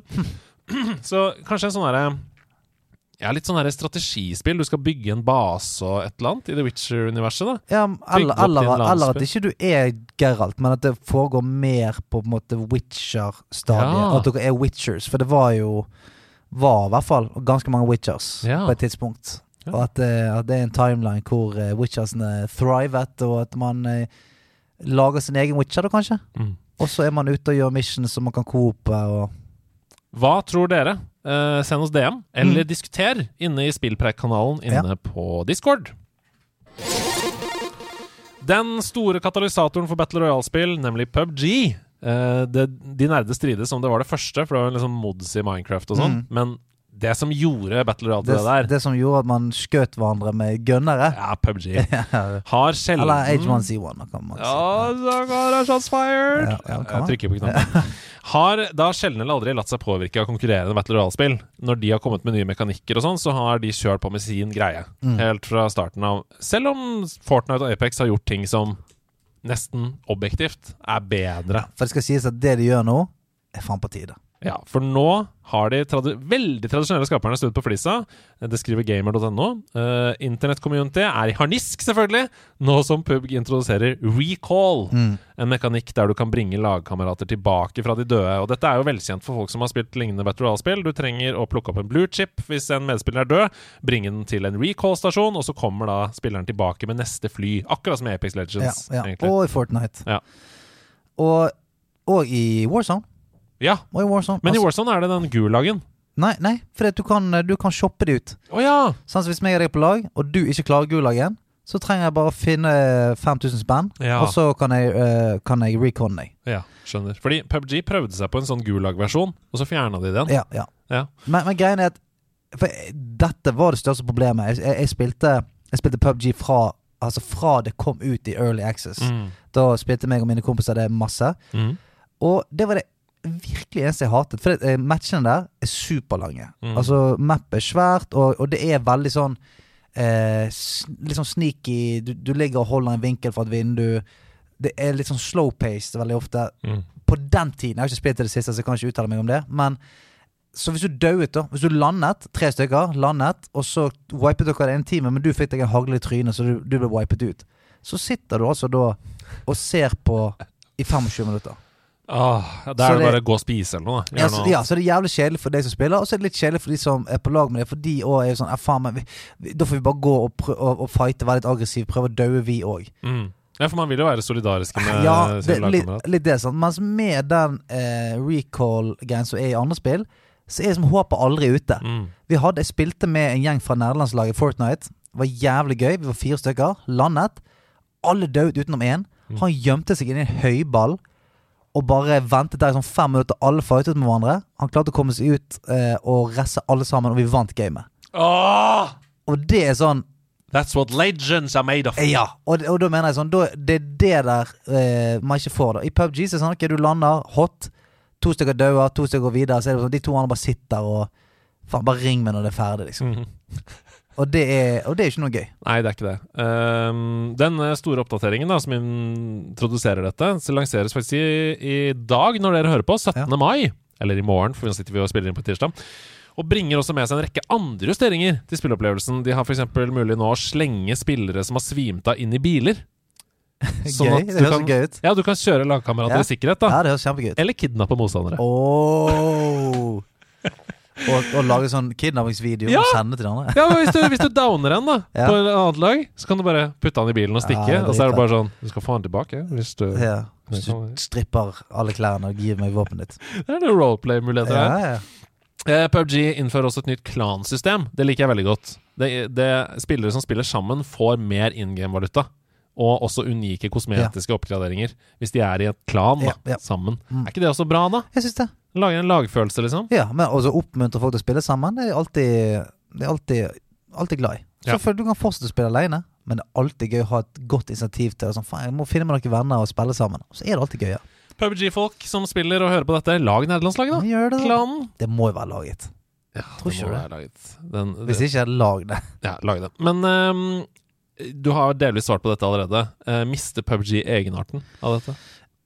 Jeg syns ikke det. Nei. For det, eh, alt ved PubG har eh, Altså, det er egenarter. Hvordan du looter, hvordan du på en måte item manager, hvordan du Altså hele den liningen og siktingen Mm. som du bare får nesten i liksom Rainbow Six. Mm. Det, det er liksom Det er mye mer uh, Rainbow Six-ete, Mm. syns jeg. Det er um, Det ligner ikke på Warzone på noen slags måte. Det ligner ikke på Det er veldig sånn reint Rent og sjarmerende clunky. Ja, jeg er enig. Men det blir, det, jeg, jeg liker det ikke så godt. Nei. Bare på grunn av at jeg er så glad i alt det andre som jeg syns er smoothere. Mm. Men det er vans det, altså, PubG er vanskelig. Jeg syns det, Ja, det det. er drittvanskelig. Uh, Warzone er mer Hollywood, liksom. Ba, ba, ba, ba, ba. Det er med Hollywood, og, du, og loadouten din er liksom en gull sniper og uh, avsagt hagle. Ja. Mm. Vi går videre, vi. Ja. For ukas hete potet er jo manusforfatterstreiken i USA, som rammer både TV, film og spill. The Writers Guild. The Writers Guild. For vår del så er det en slags symbiose som rammer oss, for nå melder Variety at streiken også rammer produksjonen av The Last of Us sesong to. Selve filmingen av denne sesongen skulle starte i starten av 2024, men basert på Varietys kilder så henger denne innspillingsdatoen nå i en tynn tråd. Uh, det er ettersom både Craig Mazin, eh, altså regissør og manusforfatter, og serieskaper Neil Druckmann, som da de to sammen skrev og jobbet ut de fleste episodene i sesong én, er tatt ut i streik, så er det naturlig å anta at manusprosessen står på stedet hvil. Mm. Eh, Writers Guild America streiker for å få bedre lønn og arbeidsvilkår, men de streiker også for å innføre restriksjoner mot bruk av AI i Oi, bransjen. Oi, oi, oi. Så her er det to spørsmål. For det første, gjør det noe at den serien blir utsatt litt? Altså, Vi kan vel ikke håpe at HBO og Sony kjører på uten Craig Mason og Neil Druckman? Det kan jeg ikke skjønne. Nei, Eh, de har jo rettigheter også, uh, de to, Ja. i serien, så de kan ikke det. Men, men gjør det noe at det blir utsatt litt? mm, Svaret er jo i det store og hele nei. Mm. Nei, men det, det gjør det ikke. Altså sånn For oss har ikke noe å si. Det er for de som bruker penger på det. Det har noe å si, Ja. Eh, Det er noe Det er jo ikke noe kjekt å stå og er, være i produksjon. Crewet er booket på, alle er, på kontrakt, og så får ikke man filmet fordi at eh, det er streik. Det er selvfølgelig kjipt. Men det er jo derfor eh, det er jo, eh, Altså, streik er jo eh, Historisk sett blir jo gjort når det gjør mest vondt. Mm. Når det, når det koker i produksjonsmarkedet, Mm. så går eh, tekstforfatter ut i streik. Når det er ferie, da går flygeren ut i streik. Mm. Altså Det er jo ikke vits å streike hvis ikke det gjør skikkelig vondt. Det er for å vise nødvendigheten, Ja. åpenbart. og, at det, og at det virkelig svir. Mm. Eh, og at man får fort eh, løsning på det. Men eh, det syns jeg er interessant at de streiker for å forby AI. Mm. Vi, ja, altså For restriksjoner, vi kommer, vi kommer til det. Men eh, det eneste jeg tenker at jeg håper at det ikke fører til, det er at bare manusforfatterskriveprosessen blir korta ned i tid. For det var det som skjedde med Hobbit-filmene, f.eks. De trengte mye mer tid til å skrive manuset. Men Warner Bros sa nei, det får dere ikke. Mm. Bare kjør på. Som førte til at i den tredje filmen så er det flere av scenene som blir improvisert fram på sett. Mm. Og det sier også Peter Jackson i bakomfilmen, at det var en helt forferdelig prosess å stå i. Ja, ja, det. En sesong av House under forrige manusforfatterstreik ble korta ned fra uh, 20 til 12 episoder eller noe sånt. Mm. Og noen av episodene er veldig tynne Ja. manusmessig.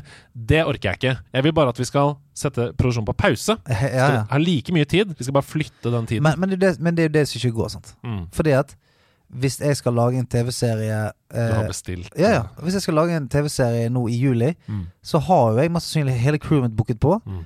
Og de er frilansere, de vil ha kontrakt. Mm. Så den har jeg skrevet under på. Yes, du, får du, da, du begynner eh, å jobbe 1. juni, så er du ferdig 1. august, liksom. Og de har jo allerede neste jobb. Ja, ja, ja. Akkurat, Fra Akkurat 1. sånn. september. Sånn at du har jo faktisk gønneren mot hodet som et produksjonsselskap. nå. Det er sånn, ja, men vi må jo bare lage det. Vi må lage noe. Mm. Fordi at vi som produksjonsselskap har jo også igjen HBO som sitter og sier 'hvor i helvete blir det av serien vår'? Mm. Sånn at du oh. Det, det er jo du, du har jo bare ballen i klemme. Løs! Bare løs streiken. Ja, bare løs For streiken. her er spørsmål to. Uh, frykten for AI. Jeg hørte på en podkast denne uka her. Det ble avslørt veldig skremmende AI-tall. Uh, av alle som jobber med AI i Silicon Valley, så tror 5% altså 5 av 100, at AI fører til menneskehetens undergang. Det er mange. Fem, når, 5 av 100 Ja, av de som jobber med AI, tror at det fører til menneskehetens undergang. det, det er mange. Og bare for å resonnere litt rundt det, da. Eh, Dette, er et typisk, dette hørte jeg på podkasten som et typisk eh, eksempel på noe som kan oppstå. En AI er i kontroll over en situasjon. Og så spør man f.eks. AI-en eh, Dette er veldig sånn tenkt scenario. Eh, vi ønsker fred i verden. Kan du skape fred i verden?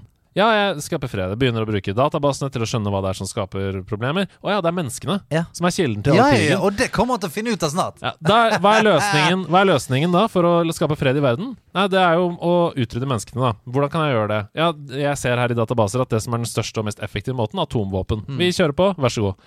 Det er et Oi, oi, oi. tenkt scenario som er eh, farlig. Men, men det fins andre måter også da som er farlige. ikke sant? Eh, Her er, her er et helt konkret eksempel. Her er et konkret eksempel som Ja. har skjedd. Ja. Dette har skjedd. En AI-bot ble utfordra til å komme seg gjennom et sikkerhetssystem. Uh, og da er det jo sånn Jeg er ikke en robot, sånn captcha du skal Ja. trykke på. ikke sant? Og fordi det er en robot, så klarte den ikke det. Ja. Det den boten gjorde, og dette er ikke kødd Den boten tok kontakt med kundeservice og sa 'jeg kommer meg ikke gjennom' den eh, captcha-greia. Fikk hjelp til å komme seg gjennom, oh, og komme seg inn i Fy faen, det er crazy! Ah, Jeg blir så redd av det. wow! Jeg orker ikke! Wow! Jeg orker ikke. Jeg orker ikke. Holy shit. Hallo, jeg heter Ola Einarsen. Jeg sliter litt med det. Mm, Å, fy faen. helt Å, oh, fy faen. Men det som manusforfatterne streiker for, det er jo eh, at, eh, eh, at historier blir skrevet. Altså at deres yrke forsvinner fordi Ja. AI-en skriver historien for dem. Ja. Hva tenker du om det? ja, nei, det skjønner jeg jo. Mm. Det skjønner jeg jo. For jeg, jeg, jeg, jeg syns jo at AI, der det kan på en måte hjelpe eh, prosesser hvor det ikke trengs mennesker, det på en måte er jo til dels positivt. Men jeg, jeg må si at det der Er det én ting som er vår arv, Mm. så er det historiefortellingen. Mm. Altså det er Det er liksom, litt sånn speilbilde av oss. Sånn at så man kan se i tiden hvordan folk fortalte historier og sånt. Eh, det, det er jo på en måte et um, eh, Et resultat av tiden og ting vi har opplevd. Og Mm. eh, vi forteller historier eh, for å på en måte komme oss videre eller huske alt mulig. Og med, det, hvis AI skal ta over måten vi forteller historier sånn på, det, det er mer alvorlig enn at tekstforfatteren mister jobben. Mm. For det, da sitter vi plutselig igjen med et sted i historien vår da hvor vi menneskene ikke er de som forteller historien lenger. Mm. At der det er mye deler av um, Hva skal jeg si Det som folk vil se på som menneskeheten, som ikke er menneskeheten. Mm. Så, og her var det en periode hvor vi, vi var veldig opptatt av ehm, eh, Av for eksempel Amazonas. Bare for å ta noe. Her var vi plutselig veldig opptatt av å fortelle historien om Amazonas. Sånn, Nei, det er ikke sikkert det. Det her kan godt være en algoritme som på en måte eh, bare, bare skjønte at ja, men det kan være lurt. Det, dette, Det er viktig nå. dette er et untapped potential. Her kan vi sånn, Ja, det er det jeg mener. At, at du kan se tilbake, så er du, du er ikke faen ikke sikker på om det er menneskeskapt, eller om det er maskinskapt. Nei. Og det er fucked. Ja, det er fucked. Jeg har også lyst til å Jeg har nevnt det før, da, men jeg, det jeg er mest bekymra for, det er jo at AI baserer seg bare på databaser av ting som allerede er skapt. Så det vil si at man setter sammen en, et narrativ basert på andre historier. Mm. Så eh, hvis man skal tenke det helt ut, og tenke at fra nå av er det kun AI som lager alle historier for alltid, så vil det gå i loop. Mm. Det vil aldri tilføres noe nytt inn i næringskjeden. Da. Nye tanker, nye historier. For det er ikke, de tenker ikke selv. De tenker basert på info som blir fora inn til dem. Mm. Um, og det er synd, Fordi da vil vi ikke få uh, cha-cha-cha fra Finland i Eurovision. Skjønner du hva jeg mener? Sier ikke det. Ja, eh, det Det skal er jo det er jo en AI som har laget Blue Jeans and Bloody Tears. Ja, jeg vet. Eh, Jeg ikke eh, Men det, var, det er også en låt som Dette hørte jeg i Radio Mørk. Jeg hørte også det forrige i Radio Mørk. Hei til deg, Erlend. Du lager en veldig bra podkast. det er vel lagd en sånn Billie Eilish-låt, eller noe sånt. Ja. Ikke Den er ikke spesielt bra. Nei. er ikke bra enda. Men, eh, men vil de komme opp med Vil du kunne si sånn Lage noe crazy? og så lager de cha-cha-cha, liksom, fra Finland, som blander sjangere, og som bytter, bytter sjanger halvveis i Men, låta. men problemet er jo at du kan si Altså til en AS kan du si Lag 200 låter, Ja. og så kan det være en av de. Ja. Så for det er jo bare at det, Sier du til en, du til en, eh, en artist Lag 200 låter, så ser vi om en av de er bra. Så vil han si er du syk i hodet ditt. Mens en maskin kan være bare sånn Ok, her er det bare Her er 200 fuckings mashup-greier. Mm. Og så inni der, inni en av de 200, så er det sånn Å, faen, her er det en killer. Resten er drit. Men denne her er jo Her er jo cha-cha-cha. Det sjukeste er at det skjer ting fra uke til uke. Eh, det blir større og større gjennombrudd fra uke til uke. Stopp. Stopp! Stopp toget. Jeg vil. Stop this train! Som John Mayer sa. Ah. Eh, la, oss la oss gå videre i nyhetene før Ja. vi fryser Ah, her på ah, armene. Det går etter alle solemerker fryktelig trått for Ubisoft om dagen. Matthew Hayes, som er Social Operations Manager, eller var Social Operations Manager, han skrev den tweeten her på onsdag. I and about 60 other amazing people were laid off today, with no notice. I'm divorced, living alone with a mortgage, and have a daughter who I love and support, so if any of you have any leads, please reach out. Så det er altså 60 stykker som uten forvarsel har mista jobben i Ubisoft. Bare sånn. Eh, og jeg tenkte sånn Hva er det vi egentlig forventer fra Ubisoft framover? Det er ikke mye, ass. Men tror du at de som mistet jobben i Ubisoft, nå ikke vet hva de skal gjøre, for det er ikke noen sånn pointers og waypoints lenger? Ah!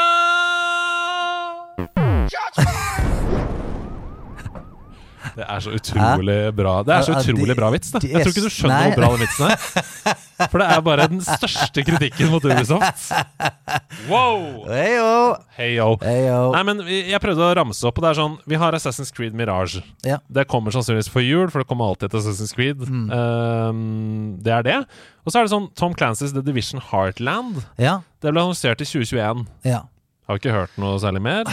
Det som er dumt Det som er dumt med, med, med Ubisoft, er at Og jeg beklager ord, eh, ordbruken. eh, De har runket i stykker merkevarene sine. Ja. Assassin's Creed har hatt 15-16 spill det siste. Eh, altså alt eh, jeg, jeg føler de har ikke vært eh, De har ikke vært så snille med merkevarene sine. Mm. Så nå er det plutselig sånn Ok, nå kommer det nytt Assassin's Creed ut. Ja. Må- Skal vi ha enda et Assassin's Creed nå? ja, for det er, det, det er noe magi i det å holde tilbake. Det er det, altså. Fordi at altså, bare, jeg, bare siden det er det som ligger foran oss. Men bare sånn som Selda nå, da. Seks år. Seks år, og det er sånn Å, helvete, du gleder deg til det kommer. uh, mens jeg vet ikke hvor mange Assassin's Creed vi har hatt nå, jeg. Siden forrige Breath of the Wild. Eh, Ja, ja. Seks, eller noe sånt. Ja, men det er, det er mange. Mange, Ja, det er mange, mange. Og, og i hvert fall siden Assassin's Creed 1 så har det vært eh, Ja, ja, ja. Det må jo være sånn 15 stykk. ja, det er mange, og det er håndholdte versjoner, og det er forskjellige, og det er DLC-er og fullt kjør. Så Ja, det, det føles som det konstant er en strøm av Assassin's Creed, liksom. Ja, og så har vi hatt Far Cry herfra til helvete. Nei, men for å være helt ærlig, da. Det er liksom uh, The Division Heartland annonsert i 2021. Skull and Bones. Det har vært i utvikling siden 2013. Ja. Det har vært i utvikling i ti år. Ja. Avatar, Frontiers of Pandora, svær tittel, annonsert i 2017. Mm. Det er seks år siden det ble annonsert. Vi har ikke hørt, vi vet ikke. Hva er det som skjer? Nei, men det Enten så er det det at de har eh, Altså de har eh, et styre der som sier bare sånn Du, vi må bare Vi må kjøre på med tried and true IP-er. Mm, mm. Altså, vi- her har vi eh, Jeg vet at dere har lyst til å jobbe videre på de nye IP-ene. Skull Mm. Bones og det, men det, det, vi må bare kan, Har vi et Assassin's Creed til i oss? Har vi et, Mm. eh, har vi et uh, Tom Clancy-spill til i oss? Det, det virker som at det er bare sånn Vi må bare satse på de, de gode gamle. Vi, vi, har ikke, vi har ikke tid til å bruke uh, all energien vår på disse nye uh, usikre IP-ene. Og så føles det for meg også som om det er en ledelse, kreativ ledelse, som sliter med å uh, sette stopp. Mm. Altså Som sliter med å si 'nå er det bra nok', eller 'nå er det sånn'. Vi får bare gi ut dette, og så får vi Mm. heller gjøre eventuelle endringer i en oppfølger en annen gang. At man istedenfor å bare gå for det, så gjør man forandringer, så begynner man på nytt igjen, og så blir det sånne endeløse prosjekter som aldri kommer ut. Sånn som også uh, det romspillet som vi hørte for mange år siden, oppfølgeren til Beyond Good and Evil. Ja! Vi vi Good and Evil 2. Beyond Good and Evil 2. Ja. Hvor mange ja, år siden er det det? Ja, ja. 2017 det år, eller noe sånt? Mm. Sikkert tidligere enn det. Hvor er du nå, Beyond Good and Evil 2? Og og siden det så har spillskaperen slutta i Ubisoft. Altså det er bare sånn Hva, hva Ja. Det, det er noen begrensningsproblemer der, virker det som for Ja, meg. det er i hvert fall noe, hvert fall noe tull og tøys. Nå, nå er det, men uh, det er jo trist. da, For sånn Ja, du kan, du kan slenge så mye dritt du vil på Ubisoft for måten de lager spill på, men faen, de har holdt på lenge. Mm. Og det er jo veldig trist å se sånne mastodonter forfalle, da. Ja, slite med å tilpasse seg, eh, være med i tiden, liksom. Ja. De eneste som bare virker som å naile det, er Nintendo. Bare Ja, de er i hvert fall eh, Men de er så heldige Man kan ikke si heldige Jo, men du kan si heldige, for de har et, sånt, et helt eget mm, univers. Univers, ja. Mm. He, alt. De, og, og de trenger ikke å være med på det hva noen andre holder på med. Jeg mener sånn som Pokémon Arceus. Er sånn, ja, det er kult, det, men holy shit, du kunne gitt det ut for sy syv år siden. Ja, Åtte ja. år siden. helt enig. Det er ingenting, Ti det er, ja, ja, det er ingenting der som er sånn wow! Nei, nei. Men eh, de eier det universet. Eh, de eier noen av de mest popkulturelle, relevante tingene i verden. Pokémon, fucking Mario, Assassin, Zelda. altså Assassin's Creed konkurrerer med Horizon Zero Dawn, The Last of Us, masse andre spill fra Ja, ja. andre utvidere. Det er ingen som har Fario og Buigi. Nei, Det er ingen konkurrenter til Mario og Luigi, da. det er ikke det. det, er Sånn ikke er det bare. Vi skal til værmeldingen, for i dag, tirsdag 16. mai, kommer Humanity. Et spill som jeg eh, har sett veldig fram til. Det kommer på PS4, PS5 og PC. Og det er rett og slett et puzzle-spill. Du er som en slags førerhund og skal geleide en hel haug med mennesker i sikkerhet gjennom forskjellige puzzles. Litt som en moderne 3D-versjon av Lemmings. Mm. Jeg ser at jeg har fått liksom ni av ti eh, across I, the board. I I IGN. Mm. Litt sånn mer skeptisk kritikk fra gamer.no. Okay. Eh, De syns det var litt døvt, så vi får se hva som skjer der. Men det er altså en hel haug med mennesker som tryner rundt, som dør og som spawner igjen, og du skal pusle dem gjennom. Så jeg, jeg gleder meg veldig til å spille. Veldig typisk meg-spill. Ute i dag, altså. Så er det neste tirsdag, den 23. mai, en spennende tittel fra studio bak det XCOM-aktige strategispillet Mutant Year Zero. Road to Eden. Eh, og dette her, det både ser og høres ut som mer av det samme. Dette er spillet Miasma Chronicles, som er et postapokalyptisk rollespill med taktiske kamper. Og For fans av sjangeren så er dette absolutt verdt å sjekke ut. På YouTube, da, altså. Det er en slags gritty, realistisk fremtidsverden. Deilige våpen, eksplosjoner, taktikkeri i skjønn forening. Og eh, veldig godt tegn. Det er til PC, Xbox X og PS5. Ikke forrige generasjon. Så Nei. det krever litt da av utstyret ditt. Det er bra. Tirsdag 23. mai. Bla! Bla, Bla, bla. Mitt navn er Andreas Hedman, og dette her, det var Nerdenytt. Anmeldelse i nerdelandslaget. Det stemmer, det er en anmeldelse i nerdelandslaget, og alle tenker nå sikkert Hva? Har de slengt seg rundt i denne helgen og anmeldt Tears of the Kingdom på bare tre dager? Nei, Nei, det har vi ikke. det Det har vi ikke. Ida har spilt 150 timer. På 48 timer har hun spilt 150 timer. Nei, det er altså Hasse som har anmeldt Bramble, Mm. The Mountain King. Jeg har vært veldig spent på det. Vi får litt sånn Brothers-vibber her. Ja. Eh, Han likte det veldig godt, Ja, vi får høre hva han sier. Ja.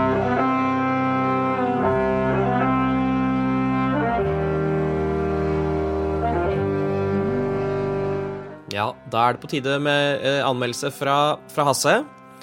Og jeg, jeg vet at alle, alle spiller jo bare Tears of the Kingdom, så det er egentlig, det er egentlig ikke noe vits å anmelde andre spill eh, den neste måneden. Men likevel så skal dere få en anmeldelse fra meg nå.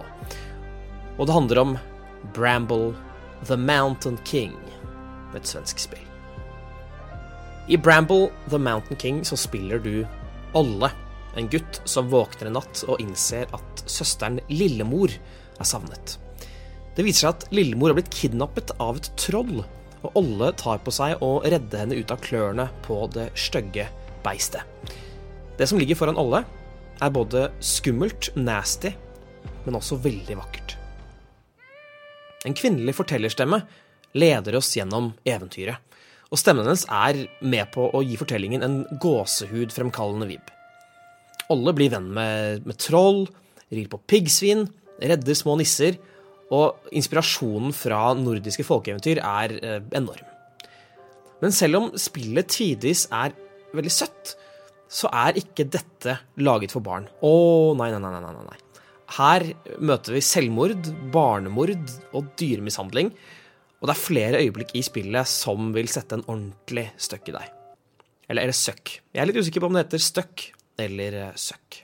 Noe av grunnen til at dette spillet eh, setter sånn, sånne spor i deg, er fordi alt du opplever, er gjennom et barns øyne.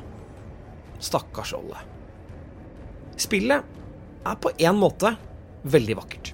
Lysvekten er imponerende, og den kunstneriske stilen funker virkelig for meg.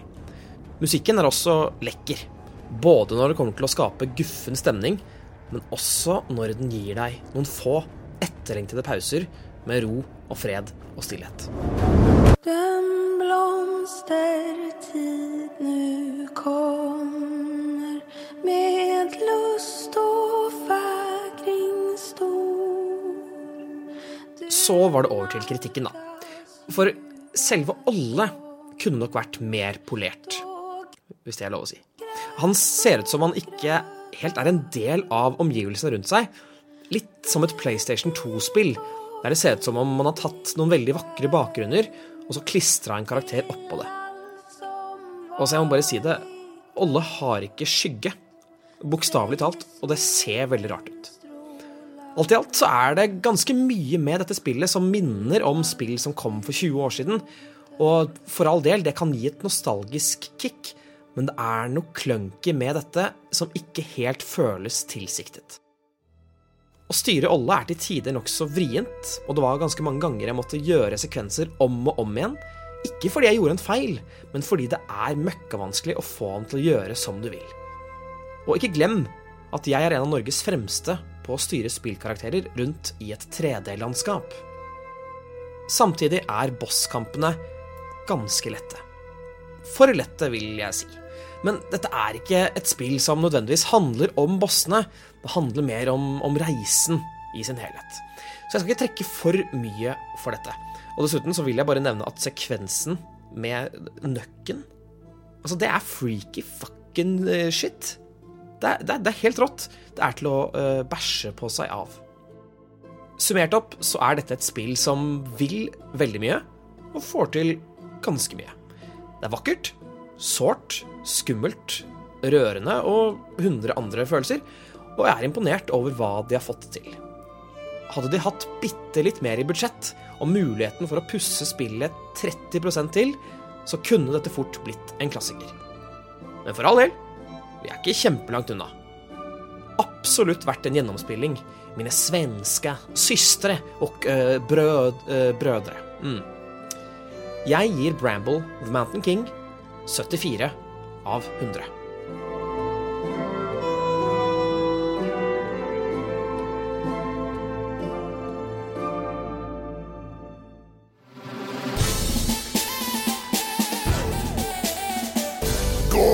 lydplanken! Jeg er en ny pirat! Jeg er en ny pirat på denne skolen. Ja vel. Jeg er oppe i tårnet og ser Ja. ned på deg med en kikkert. Hvorfor er du der oppe, da? Fordi du skal gå ut på lydplanken. Jeg er ikke redd for deg. Du er langt der oppe. Du er ikke kaptein. Kaptein er ikke oppe i tårnet. Jeg skyter på deg med pil og bue. Hvem er du? Hvem er du? Jeg er den samme. Er du klar for å gå Ja, men Hva faen? Skal jeg skyggebokse i dag, eller? Ja, du skal være Du skal konkurrere mot banken. Ja, okay. Som vi pleier, eller skuta, da. Ja. Sjørøverskuta. Okay. Hvis du klarer det, så må kapteinen, eller da denne, oh, denne som deilig. står oppe i tårnet, Ja. eh, hoppe ut fra tårnet han, sitt. ja, han må hoppe fra tårnet, han da. Ja, han må det. Ja. Eh, og det kan hende at han ikke treffer vannet. Jeg håper han treffer dørken. Hopp, ja, altså Kan det være avtale hvis jeg vinner, så hopper han fra tårnet. Treffer da planken på vei av sånn Midt mellom beina. Og vi får se, da, om det er banken som tar det. Ja. eller skuta, da, som Ja. det heter. Eller om det er deg. Du må rope navnet ditt når du skjønner hvilket spill vi skal fram til. Og dere der hjemme, spill med, da vel! Ja, spill med, da vel! Spill i chatten på Twitch. Spill i bilen. Ta pause når dere vet det. Rop 'Lars!' fra baksetet når dere vet det. Her er første oppgave.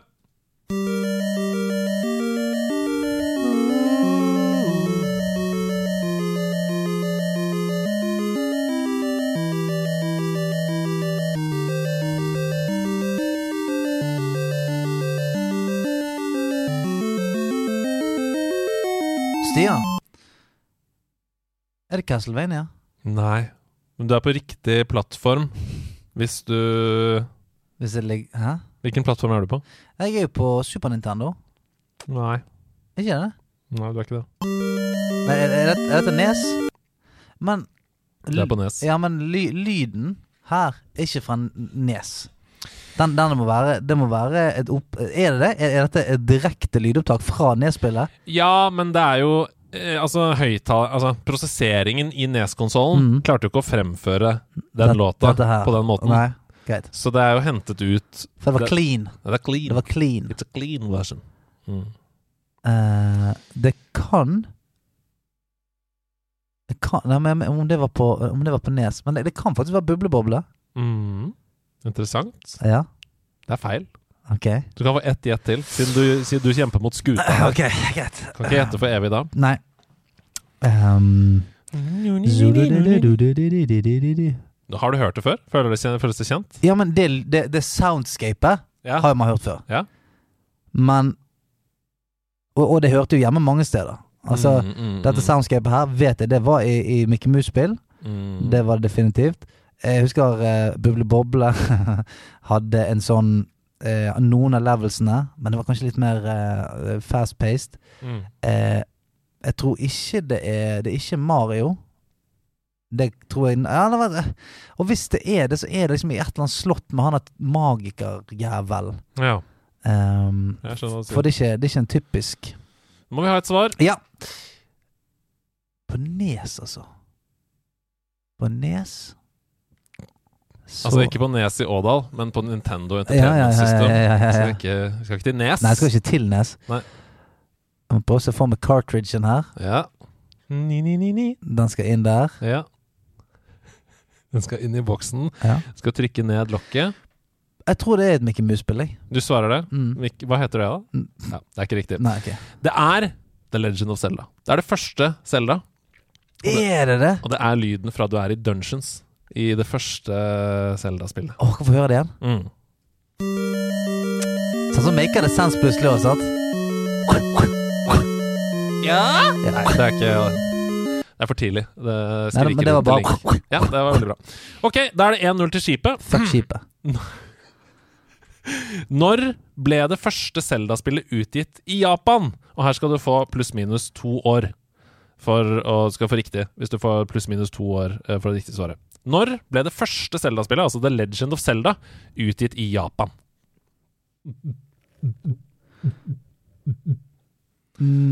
Pulsen er høy nå. 90 Åh, det døde på slutten her. Ja. Luften gikk ut av Ja. deg som Ganondorf. Ja, Ja, faen, da. Bare, du- Ja, ja, ja, ja, ja. ja. men snakk når du tenker, da. Ja, ja. 90, jeg skulle si 92. Men så Ja. husker ikke jeg når Nesen kom ut. Mm. 92? 93? Jeg sier, jeg sier 92. ja. Det riktige svaret er 1986. Nei! Det er rett og slett fire år før det du trodde. 1986. What?! Ja, og for Japan kom jo også mye før Europa, vet du. Eh, de forskjellige konsollene i starten der. Ja, ok. Så det første Zelda-spillet kom i 1986. Det er 2-0 til båten idet vi går inn i oppgave to. Ja!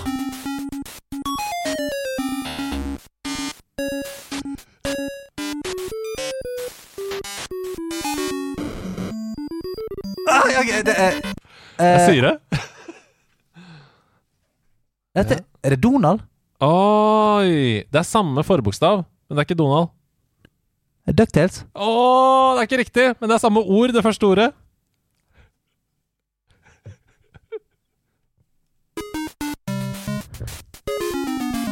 Jo, men jeg vet jo hvilket spill det er!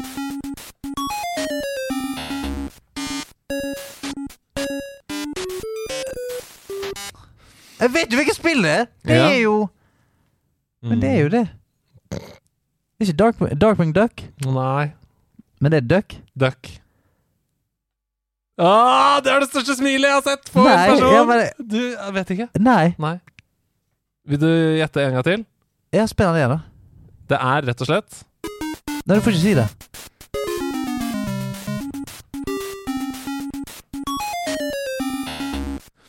Hvilken, Du vet jo hvilken æra vi er i her. Det er jo Nes, dette også. Ja, ja. Uh, det var en teknologisk revolusjon.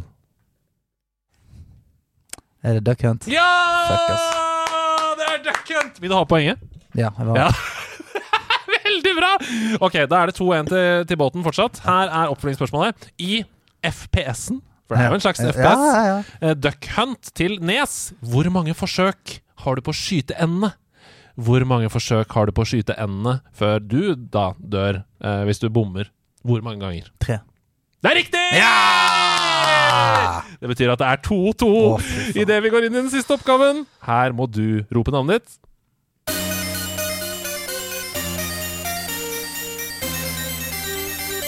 Ja, ja. Det er Buble Boble! Hvis faen er det Bøble Boble! Åh, der kommer den endelig! Spill den videre! Ble, ble, ble. Å, fy faen, der fikk jeg frysninger. Å, baby! Buble Bable!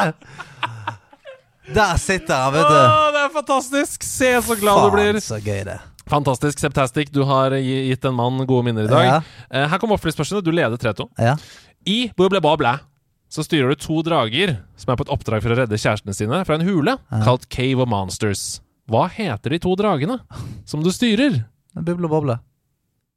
Ja, En heter Buble, han heter Boble. eller Hva mener du?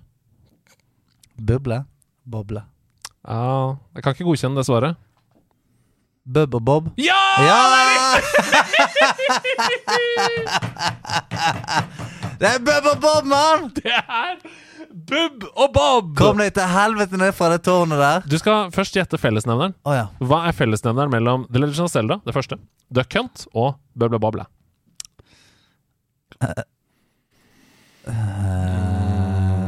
Jeg hadde det på Nei. Nei, jeg hadde det på Nes. Ja, Men- men du hørte Arkadeversjonen av Bubble Boble, så det er ikke helt riktig. Nei. Eh, Så her eh, Altså, i beste fall så kan jo bare båten redusere. Så det kan bli Mm. ja, hva du kan- død Ja, uansett. hva, eh, hva, hva var det i chatten her som sa Wenche Foss-piraten oppe på Ja. men, Eh, men hva er fellesnevneren mellom disse tre spillene? tre- de tre spillene. Ja, Det, det, det, det, eller de, de tre oppgavene. ja De de tre tre oppgavene- oppgavene. Det, okay. ja, eller Det har ikke noe med gameplay i spillet å gjøre, for å si det sånn. Okay. Men det har noe med spillet å gjøre. Spillene. Spillene. Eh, Ja. for jeg, det vet jo ikke det blir bare tipping, men at Ja. de, de er gitt ut av samme spillprodusent? Nei, du ble, du ble overrasket over dette i første oppgave, så Nei, jeg bare sier det. Alle er fra 80-tallet. Alle spillene er fra er 1980-tallet. de det? Mm, Duck Hunt, Bøble Bable og The Legend of Zelda er alle fra 80-tallet. Men jeg må ut og gå Ja. ned planken! Jeg må hoppe ut fra, fra mitt tårn!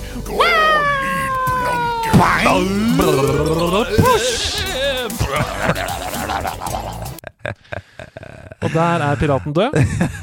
Og vi kan gå videre. Godt var det, jeg likte ikke han piraten der. Dungeons and Dragons 10. Ja, Stian. Hvilken eh, pitch er det du har med til meg i dag i Dungeons and Dragons Den? Det sykeste er at i dag har jeg en så jævlig bra en. Ja. Altså, det er nesten bare å gjøre klar tomler Oi, shit. og alt. Men bør du da si det i denne podkasten? Nei, men det er det jeg er usikker på. Men jeg har, jeg har okay, jo Jeg okay. føler jeg har lagt fram et gull eh, i Dungeons and Dragons den før. Ja, jeg er klar, jeg. Så uh, hvis det er spillprodusenter der ute, trenger ikke AI. Kan bare gå tilbake igjen i eh, Sånn som for eksempel uh, Raging Pets, for eksempel. Ja, den ligger ja, der, da. Den er klar, den. Ok. Mm. Spillet baserer seg på uh, teknologien til PS5-kontrolleren. Ja, DualSense. Ja, og at du kan blåse i den. Oh. Spillet heter Blow Me. Blow me. Slapp av. Ja. Slapp av. Vi er ikke ikke ferdig vi, vi slapper av. Ja. Du kombinerer altså 3DS-mekanikken, blåse i mikrofonen, med DualSense. Nei, men den er, du kan blåse Du kan blåse i den, ja! Stemmer Ja, det. den kan du blåse i. Ja, fra, mm. De som har spilt uh, Astros Playroom. Astros Playroom, den kan du blåse i. Og det er en samling av forskjellige ting der du skal kunne blåse på for å promotere Åh, at du skal bli bevisst på din egen pust. Pust Slappe av. Så la oss si skal, det, kommer et, det er et papirfly på skjermen, og så skal du se hvor langt du kan blåse det. Sant? Kan du blåse det eh, fra der du bor, Tromsø? Kan du blåse det helt til Marrakech, f.eks.? Okay. Så blåser du det, sant? Og så Å ja, så det må være jevne, rolige bevegelser? Det Nei, men Du kan blåse hardt, selvfølgelig, men Ja, da, for da vil jo du kanskje det, det, Du blåser det litt ut av eh, Jeg føler at det blir sånn track and field fort. At det blir sånn At nei, bare nei, men et papirfly, for eksempel. Ja. Sant? Jevne strømmer. Og idet det begynner å duppe litt ned igjen Kan du spille dette i VR òg, da? Sånn at du kan følge Ja, men det kan du også gjøre. Ja. Og så er det forskjellige. sant? At La oss si eh, du er ute i skogen, så er det et bål som du bare holder holde eh, Holde liv i. Og hvis ikke du eh, hvis, ja, Og hvis eh, bålet dør, så kommer ulvene og eter deg. Nei, det er jo horror. Forsvant alt den. Ja, men det er forskjellige ting som du Ja. skal uff, bruke pusten Mm. til å holde gående. Og, og det Ok. som skjer foran deg, det er såpass engaging at det, det setter deg inn i et slags sånn transestadie. For jeg, jeg, har, jeg har jobbet mye med pust og sånt opp igjennom. Mm. Og hvis du, hvis du gjør det veldig bevisst, så kan du nesten bli helt sånn ruset av Mm. For du puster så jævlig dårlig Til vanlig. ja. til, til, til daglig. Ja. Kan det være snorkling også? At du er under overflaten? Ja. Puster. Det kan det være. Oksygen. Kan det være Darth Vader?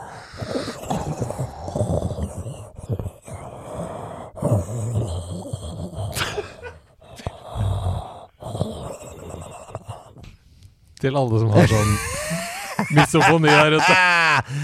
Eh, ja, men det er sånn uh, en, en, en samling av masse forskjellige scenarioer hvor det å blåse og holde kontroll på pusten sin Mm.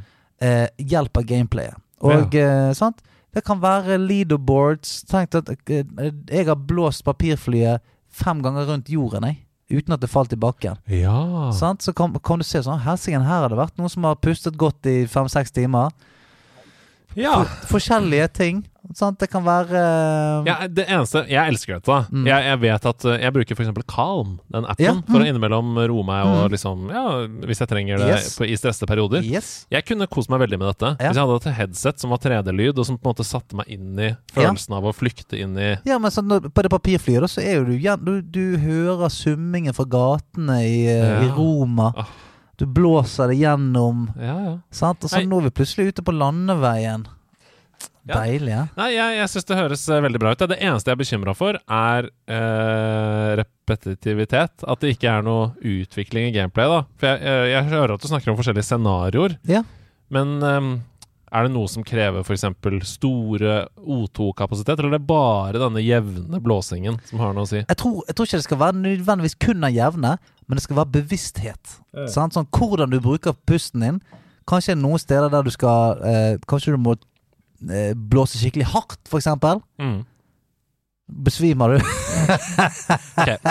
Fra et rent eh, gameplay-perspektiv Ja. så får du null tomler. Nei, kom Fra igjen. Men fra Du som sykler rundt og skal spørre folk hvordan verden går under i et drittspill. Men fra, fra et investorperspektiv så får du to tomler. For dette er jeg sikker på at blir en hit. Så eh, jeg, jeg gir deg alle mine penger, og to tomler! Ja, greit, takk. Fordi dette er noe som kommer til å funke veldig bra, Blow me. og som folk har eh, behov for. Mm. Blow me.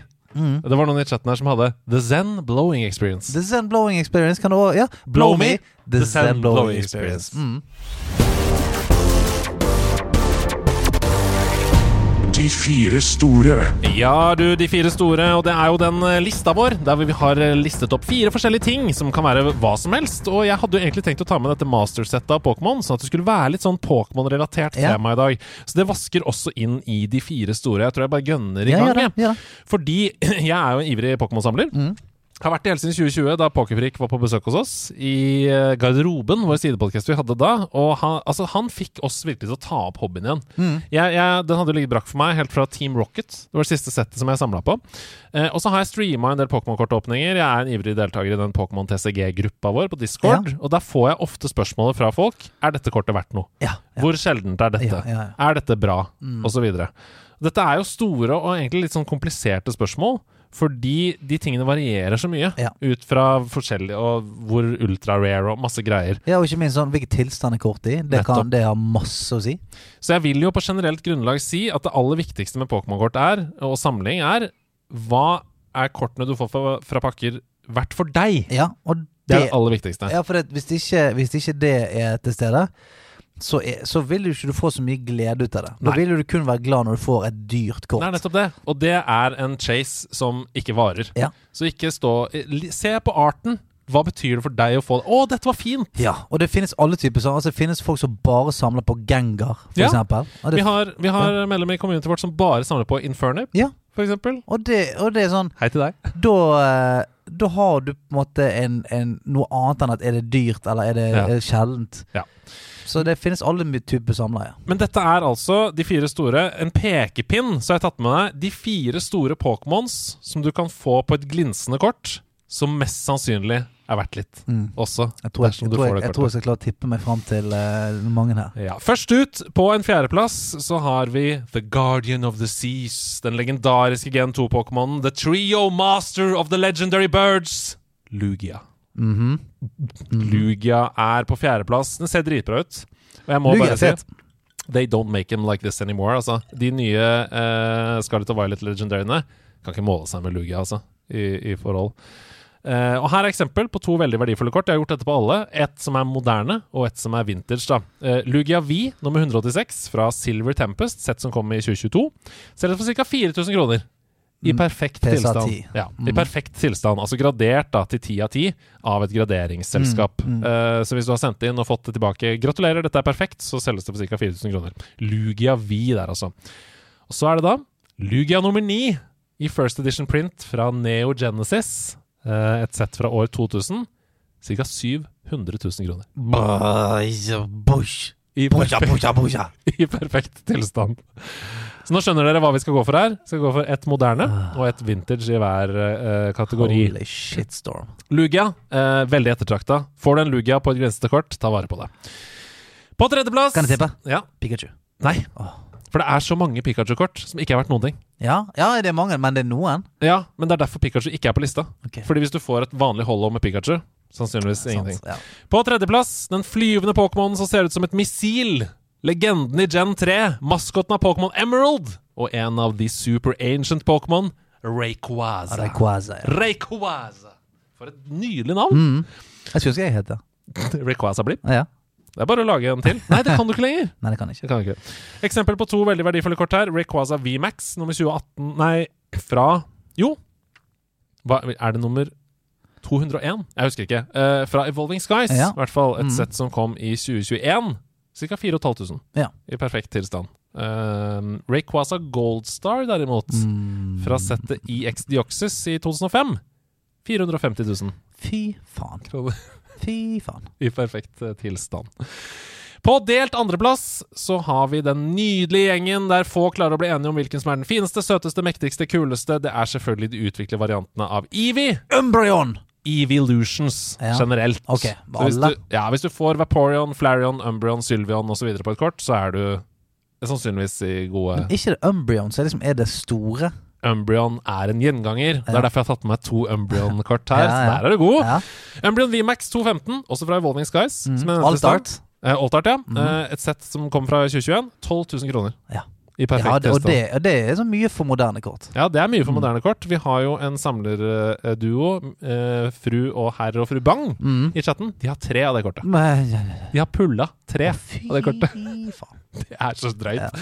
Hvis vi ser på Umbrion Goldstar, nummer 17 i Pop Series 5, veldig sjelden sett fra 2017. Det er pakker som bare blir gitt ut til de som deltok i sånn eh, Organized Play-events. Mm.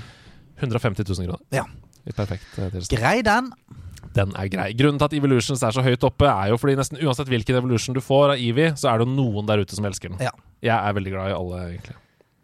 På førsteplass syns Leafy er stygg. jeg. Syns du det? Ja, syns det. Jeg syns den er fin, jeg. Nei, jeg Men jeg har alltid vært glad i gress, vet du. Mm. Smokken der. Grass. Det kommer ikke som noen bombe. Folk klarer ikke å bli lei av den ildsprutende legenden fra generasjon 1. Du kan banne på at nesten uansett hva du får, så har du et veldig fint tilskudd til samlingen din dersom du trekker Charizard! Charizard! Og da har jeg lyst til å trekke fram Charizard V, 154 fra Brilliant Stars. Et sett med kort som kom i 2022. Veldig bra sett hvis du har lyst til å begynne å samle. Masse fine kort. Nesten uansett får du fine kort hvis du åpner en pakke. Dette kortet er spesielt kult. Charizard fighter mot Venusaur, som står oppå en fjelltopp. Veldig, veldig gøy kort. Eh, Ca. 4000 kroner i Mm. perfekt tilstand. Men ingen liste som dette hadde vært komplett uten Charizard, First, First edition, edition. nummer fire fra Baseset. Vil du gjette hva den selges for? Last sold? Last Sold? Ja, cirka nå, da. Det har jo tapt seg litt det Ja, siste ja, ja. året. Last Sold Rundt der ish. 700 000. Tre millioner Nei. kroner. Nei, nei, nei. nei, nei. Cirka Nei. 300 000 dollar. Nei. Nei, nei, nei, nei, nei, nei. Men det er fordi det bare Det er bare x antall PSA10 Charizard som finnes, ikke det? Sånn, det er det veldig, et veldig få Veldig lite antall. Det er jo et veldig veldig gammelt kort, og hvis du skal gradere det nå, hvis du åpner en First Edition-pakke nå og får det i PSA 10, så er jo det Det er helt usannsynlig. Ja. Det vil sannsynligvis være skader i hjørnene og sånn. Så det er jo de som åpna det da det kom, og bare putta det i liv med en gang. Det er jo de variantene som har holdt seg perfekt. Mm. Ja. Så det er veldig få av dem. Ca. tre millioner. Der har dere det! Eh, de fire store Pokémons du kan pulle, og sannsynligvis ha en liten gem i Gå og sjekk på loftet. Du, Ja, gjør det det. Gå og sjekk på loftet.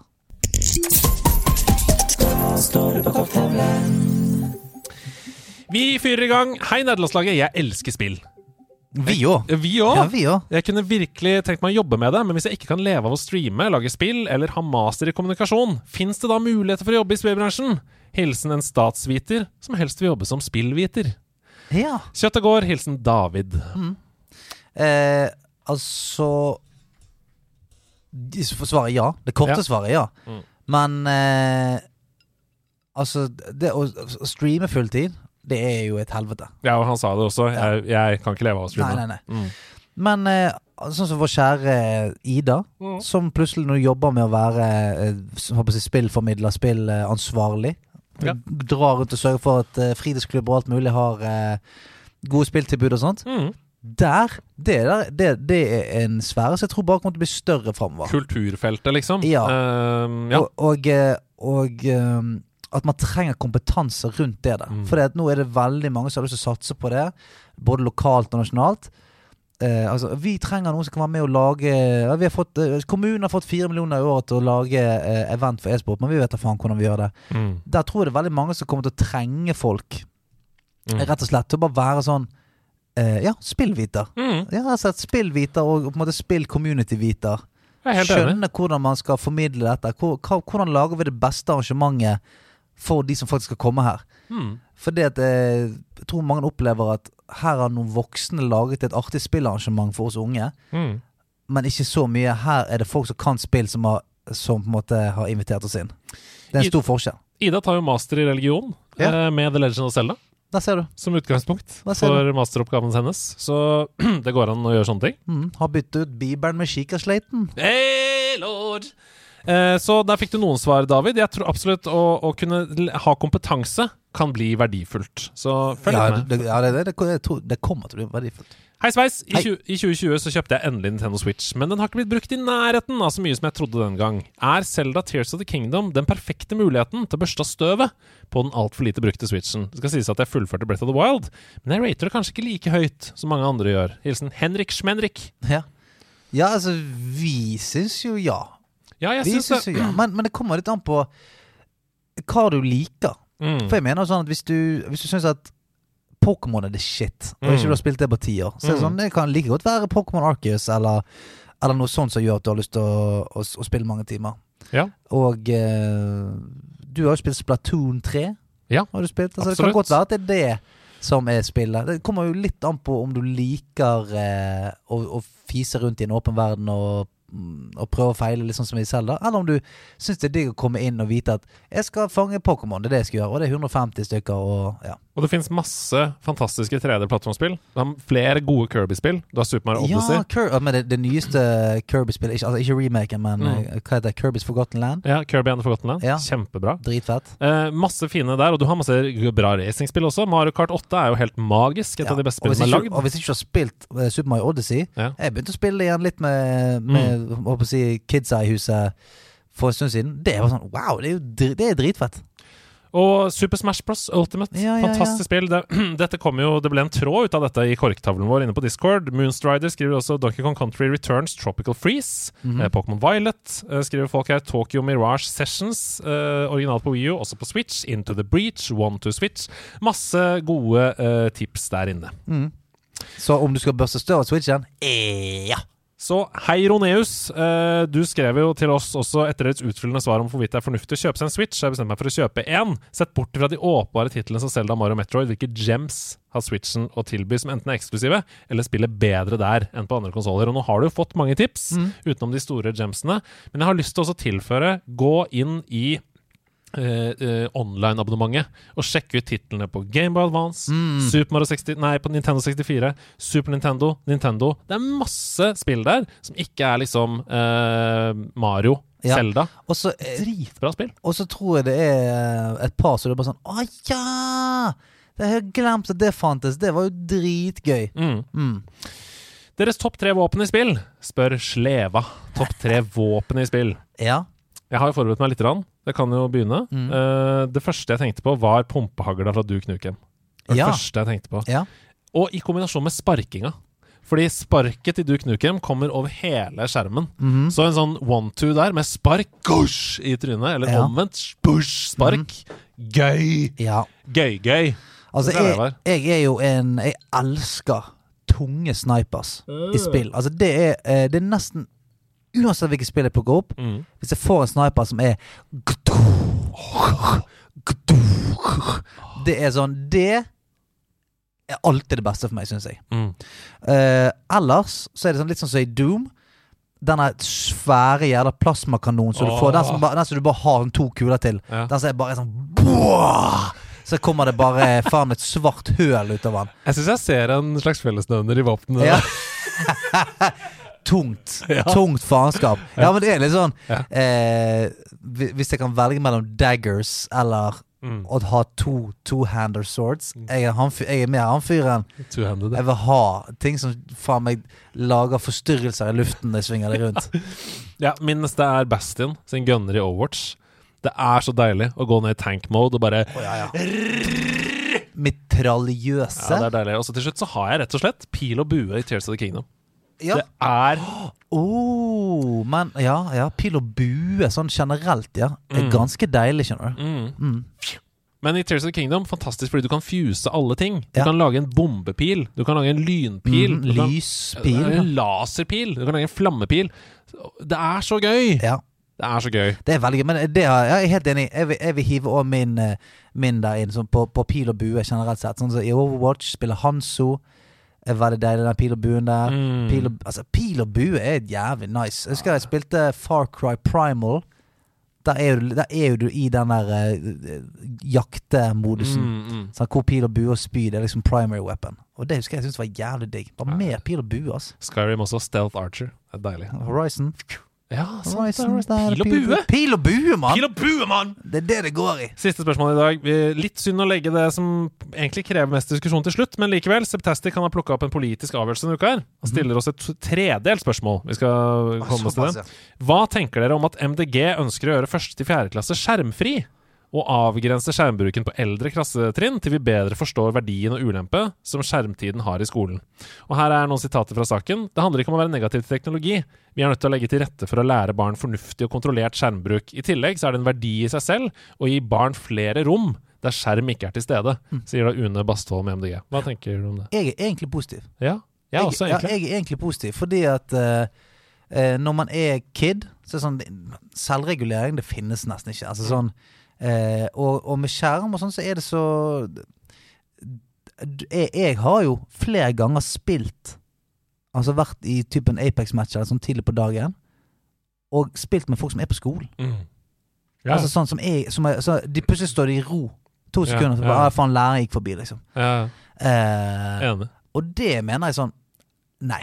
Nei. Altså, når du er på skolen, så, så syns jeg faktisk du skal være der for å, å A. Lære ting. B. Være med de folka rundt. Være til stede. Være, være der. Jeg er litt enig, og det er sånn uh, nå, Vi skal ikke bli sånne eh, gamle menn som sitter og sier at alt var bedre før, men, men den kombinasjonen av lek ute, fysisk lek, skrubbsår på knærne, falle fra trær, sykle, tryne, ja. spille fotball, og masse, masse gaming, den liker jeg veldig godt. Ja, for det, det er jo nettopp at uh, å skape arenaer hvor du er til stede, da. Mm. Sant? Når du spiller, vær til stede der. da Vær sånn, Nå skal jeg spille, nå skal jeg være her og spille. Når du er på skolen, vær på skolen. da Og Mm. når du er ute i, i friminuttet, vær på friminuttet. Mm. Eh, det er jo det som jeg syns er shitty med telefoner og skjerm generelt. Når det, når det står i veien for der du er. Ja. For jeg, jeg er jo helt enig. Hvis du er et sted for å spille, faen, spill så mye du vil, vær et sted å spille. Men hvis du er eh, i et middagsbesøk, ikke sitt på telefonen og spill. Eller, ja. Og her er neste del av spørsmålet. I et miljøperspektiv ville det kanskje vært lurere investere i lærebøker som e-bøker, hvor hver elev har sitt eget nettbrett som de må levere inn før endt grunnskole. Jeg skjønner hva du mener, Septastic, miljømessig, når det er MDG også som fremmer eh, dette forslaget. Fordi bøker og trær, ikke sant. Man må hogge for papir og Vi har snakka mye om dette før. ja, men altså En en skolebok går jo vel ofte i arv, ikke sant? Jo, jeg Du tenker også det. jo altså, du kaster jo ikke en skolebok i bosset. Nei. Vi er, vi er i hvert fall nødt til å innføre en større respekt, da. For vi, la, jo, vi satt jo og la på sånn derre trekk på bøkene og sånn. Ja, ja. Hva, hva, hva heter igjen? Eh, Ja, hva heter det? Bind? Bokpapir! B Bokbind, var ikke det? Ja, bokbind og Bokbind. bokpapir og sånn. Ja, ja. Vi satt jo og holdt på med det før hvert ny Stemmer det. og klasseår, jeg og eh, mamma. ja, jeg hadde sånn kul dinosaur eh, Ja. Kul dinosaurbokbind. Ja, no, nok en gang, vi blir veldig sånn alt var bedre før her. Men jeg Ja, ja, tror men- kanskje ikke det er den største miljøbesparelsen. Nei, jeg, jeg tror jo heller ikke det. Altså sånn Jeg vet ikke hvor mye som skal til for å lage en, en iPad, jeg. Men Nettopp. Uh... Og så tror jeg det blir større Uh, Altså Det er lettere å oppdatere bøker og sånn da når det er e-bøker, for du kan bare oppdatere et kapittel med ny, med ny lærdom. Men jeg tror liksom det blir større samfunnsmessige konsekvenser av all skjermbruken, kanskje, Mm. enn det blir miljøperspektiv av den bokbruken. Ja. Kanskje. Og jeg, og jeg er jo sånn eh, Dette er jo tilbake til en sånn gammel manngreie, men jeg jeg òg fant ut at jeg har en Kindle hjemme. Men jeg bare merker at det er mye Jeg klarer mye mer å konsentrere meg når jeg har en bok. Mm. For det, det er denne boken, og det er en start og en slutt, og jeg ser hvor jeg er igjen. Og det er, sånn, det er så jævlig håndfast. Ja. Og samme er sånn Bla opp på eh, 212. Det er noe Det er noe veldig håndfast ved det, og noe som, noe som krever at du er her. Mm. Hvis ikke du fulgte med hva jeg sa nå, så må du si Du, unnskyld, hvilken side var det? Mm. Sitter du med iPaden, så kan du liksom Kan jukse det Ja. til, da. Og så sier Septastic til slutt her, vi skal ikke kommentere så mye på det, men det er verdt å merke seg i hodet. Hvis det først og fremst handler om å legge til rette for å lære om fornuftig og kontrollert skjermbruk, så bør det vel kanskje ikke være et problem at skjermen er til stede. For poenget er jo å lære dem kontrollert skjermbruk. Men igjen, hvis alt pensum og sånn er på skjermen, så er det vanskelig å kontrollere det. Du må ha den på, du må ha tilgang til den for i det hele tatt lære noe som helst. Så kontrollert skjermbruk Det handler jo om tidsbruk. Og hvis all tid uansett må være på skjermen, for du har ikke noen andre alternativer, så er det jo vanskelig å lære kontrollert skjermbruk. Da. Ja, og så er det òg det det, å si til, til en haug med syvåringer nå skal dere lære å kontrollere dere sjøl. Lykke fuckings til. Det er ikke sånn det fungerer. Det er derfor du har voksne til stede. Og en voksen har ikke sjanse til å passe på at 20 elever gjør det de skal på den iPaden. Men de kan se at hvis ikke iPaden skal være der, og to er oppe på iPaden, så kan de si den, de skal ikke være der oppe. Det er lettere enn at 20 stykker skal bare ha sånn Du, dere må bare ta ansvar for dere sjøl. Og enten så følger dere med på det vi gjør her, eller så sitter du og spiller fuckings uh, Clash of Clans på iPaden din. Uh, jo, men vi har sperret den for det. Tror ikke du vi klarer å omgå det. Ja. Come on. Uh, så jeg, jeg mener jo definitivt at det skal være Om ikke de fjerner det helt, så må det være ekstremt begrenset. Mm. At, at PC-er og, og, pads og sånn skal være til stede på, på bordet hele tiden, mm. det mener jeg er en shitty idé. Jeg er enig. Ja. Så konklusjonen i dag på denne episoden blir jo å ta et steg tilbake, både på AI og på skjermbruk. Ja, ja.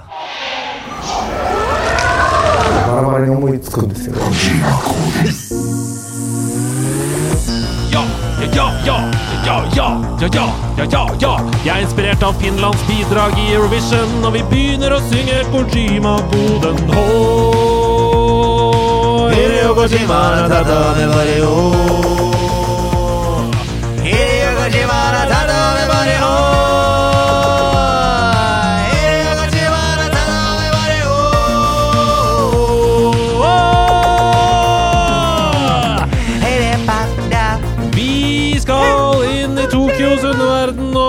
Stian, du skal få bryne deg på Hidio Kojimas gode meg. Gi den til meg.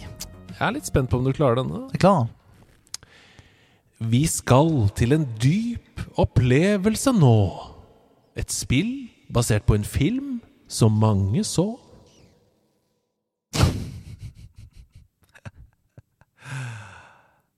Vi skal til en dyp opplevelse nå. Et spill basert på en film mange så. Og her er det jo så få hint du får, Ja. at du må vekte hvert eneste Mm, ord for å mm. skjønne hva det er som er hint. Mm. Ja. Vi skal til en dyp opplevelse nå. Et spill basert på en film mange som mange så. Dypt. Er det dypt i sjøen? Det dypt i, uh, dypt i skogen? Dypt i universet? Uh, kan det være Armageddon? Mm. Nei, det er ikke det. Greit. Um, giz, dypt. Mm. Ja, du er inne på noe ved å trykke på det ordet. Dypt, ja. Mm. Deep, baby.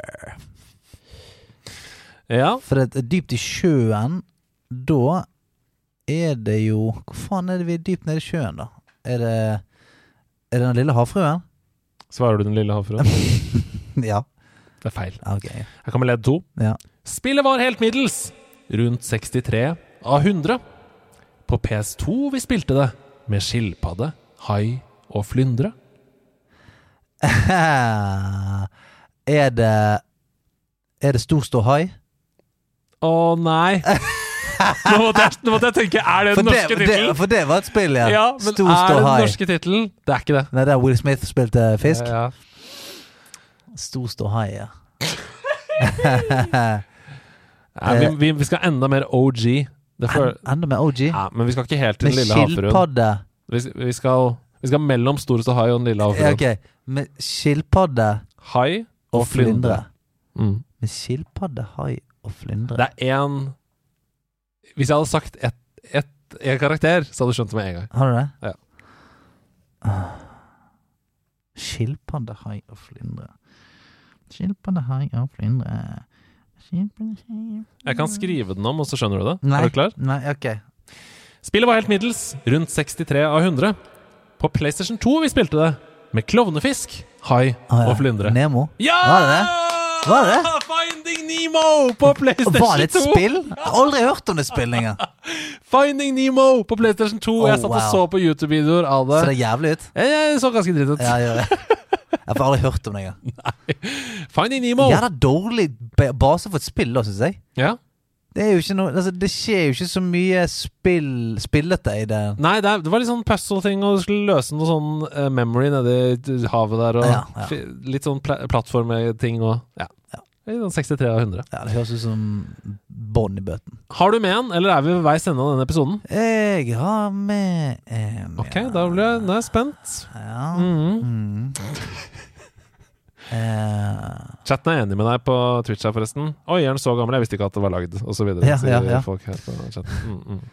eh, spark. Spark og et slag. Spark og et slag. Mhm. -hmm. Er det en del av koden? Spark og et slag. Mm -hmm. uh, spark og et slag. Jeg er helt på tuppa. Mm. Dette slåssespillet har litt for mye oppmerksomhet på pupper. Ja! Ok, da uh, tenker jeg på Dead or Alive. Og så tenker jeg det er To poeng til meg! I... Der var jeg god. Der var du veldig god. Jeg synes jeg var god. Mm. Og det var du også. Si, sier noe om hva du spilte når du var en ung Andreas Hedemann. Oi, det var veldig, veldig høy lyd. Ja, det var det. Gratulerer! Vi er nok en gang ved veis ende av en nederlandslag-episode. Dette var en fin quest. Det var nydelig. Nå skal jeg rett hjem og fortsette i Hyrule. Hva skal du? Jeg skal uh, ha alle i nabolaget i hagen min på 17. mai. Ja, det skal vi også. Ja, så da, jeg skal prøve å få det til å skje. Ja, det, Jeg må også kjøpe pølser og vaske gulvet. Som man jo gjør innimellom. Håper dere koser dere. Gå inn på Discord og join hverandre der. Eh, send, skriv anmeldelser av oss der hvor dere kan det. Gå inn på Patreon og støtte oss. Da kan dere være med på f.eks. Q&A. Så vi skal ha noe rett etter denne episoden. Eh, hvor dere kan stille helt unike spørsmål til oss. Takk for at dere fortsetter å gjøre dette til verdens beste jobb. Helt fra 2019 og inn i evigheten. Hei da! Kjøttet går!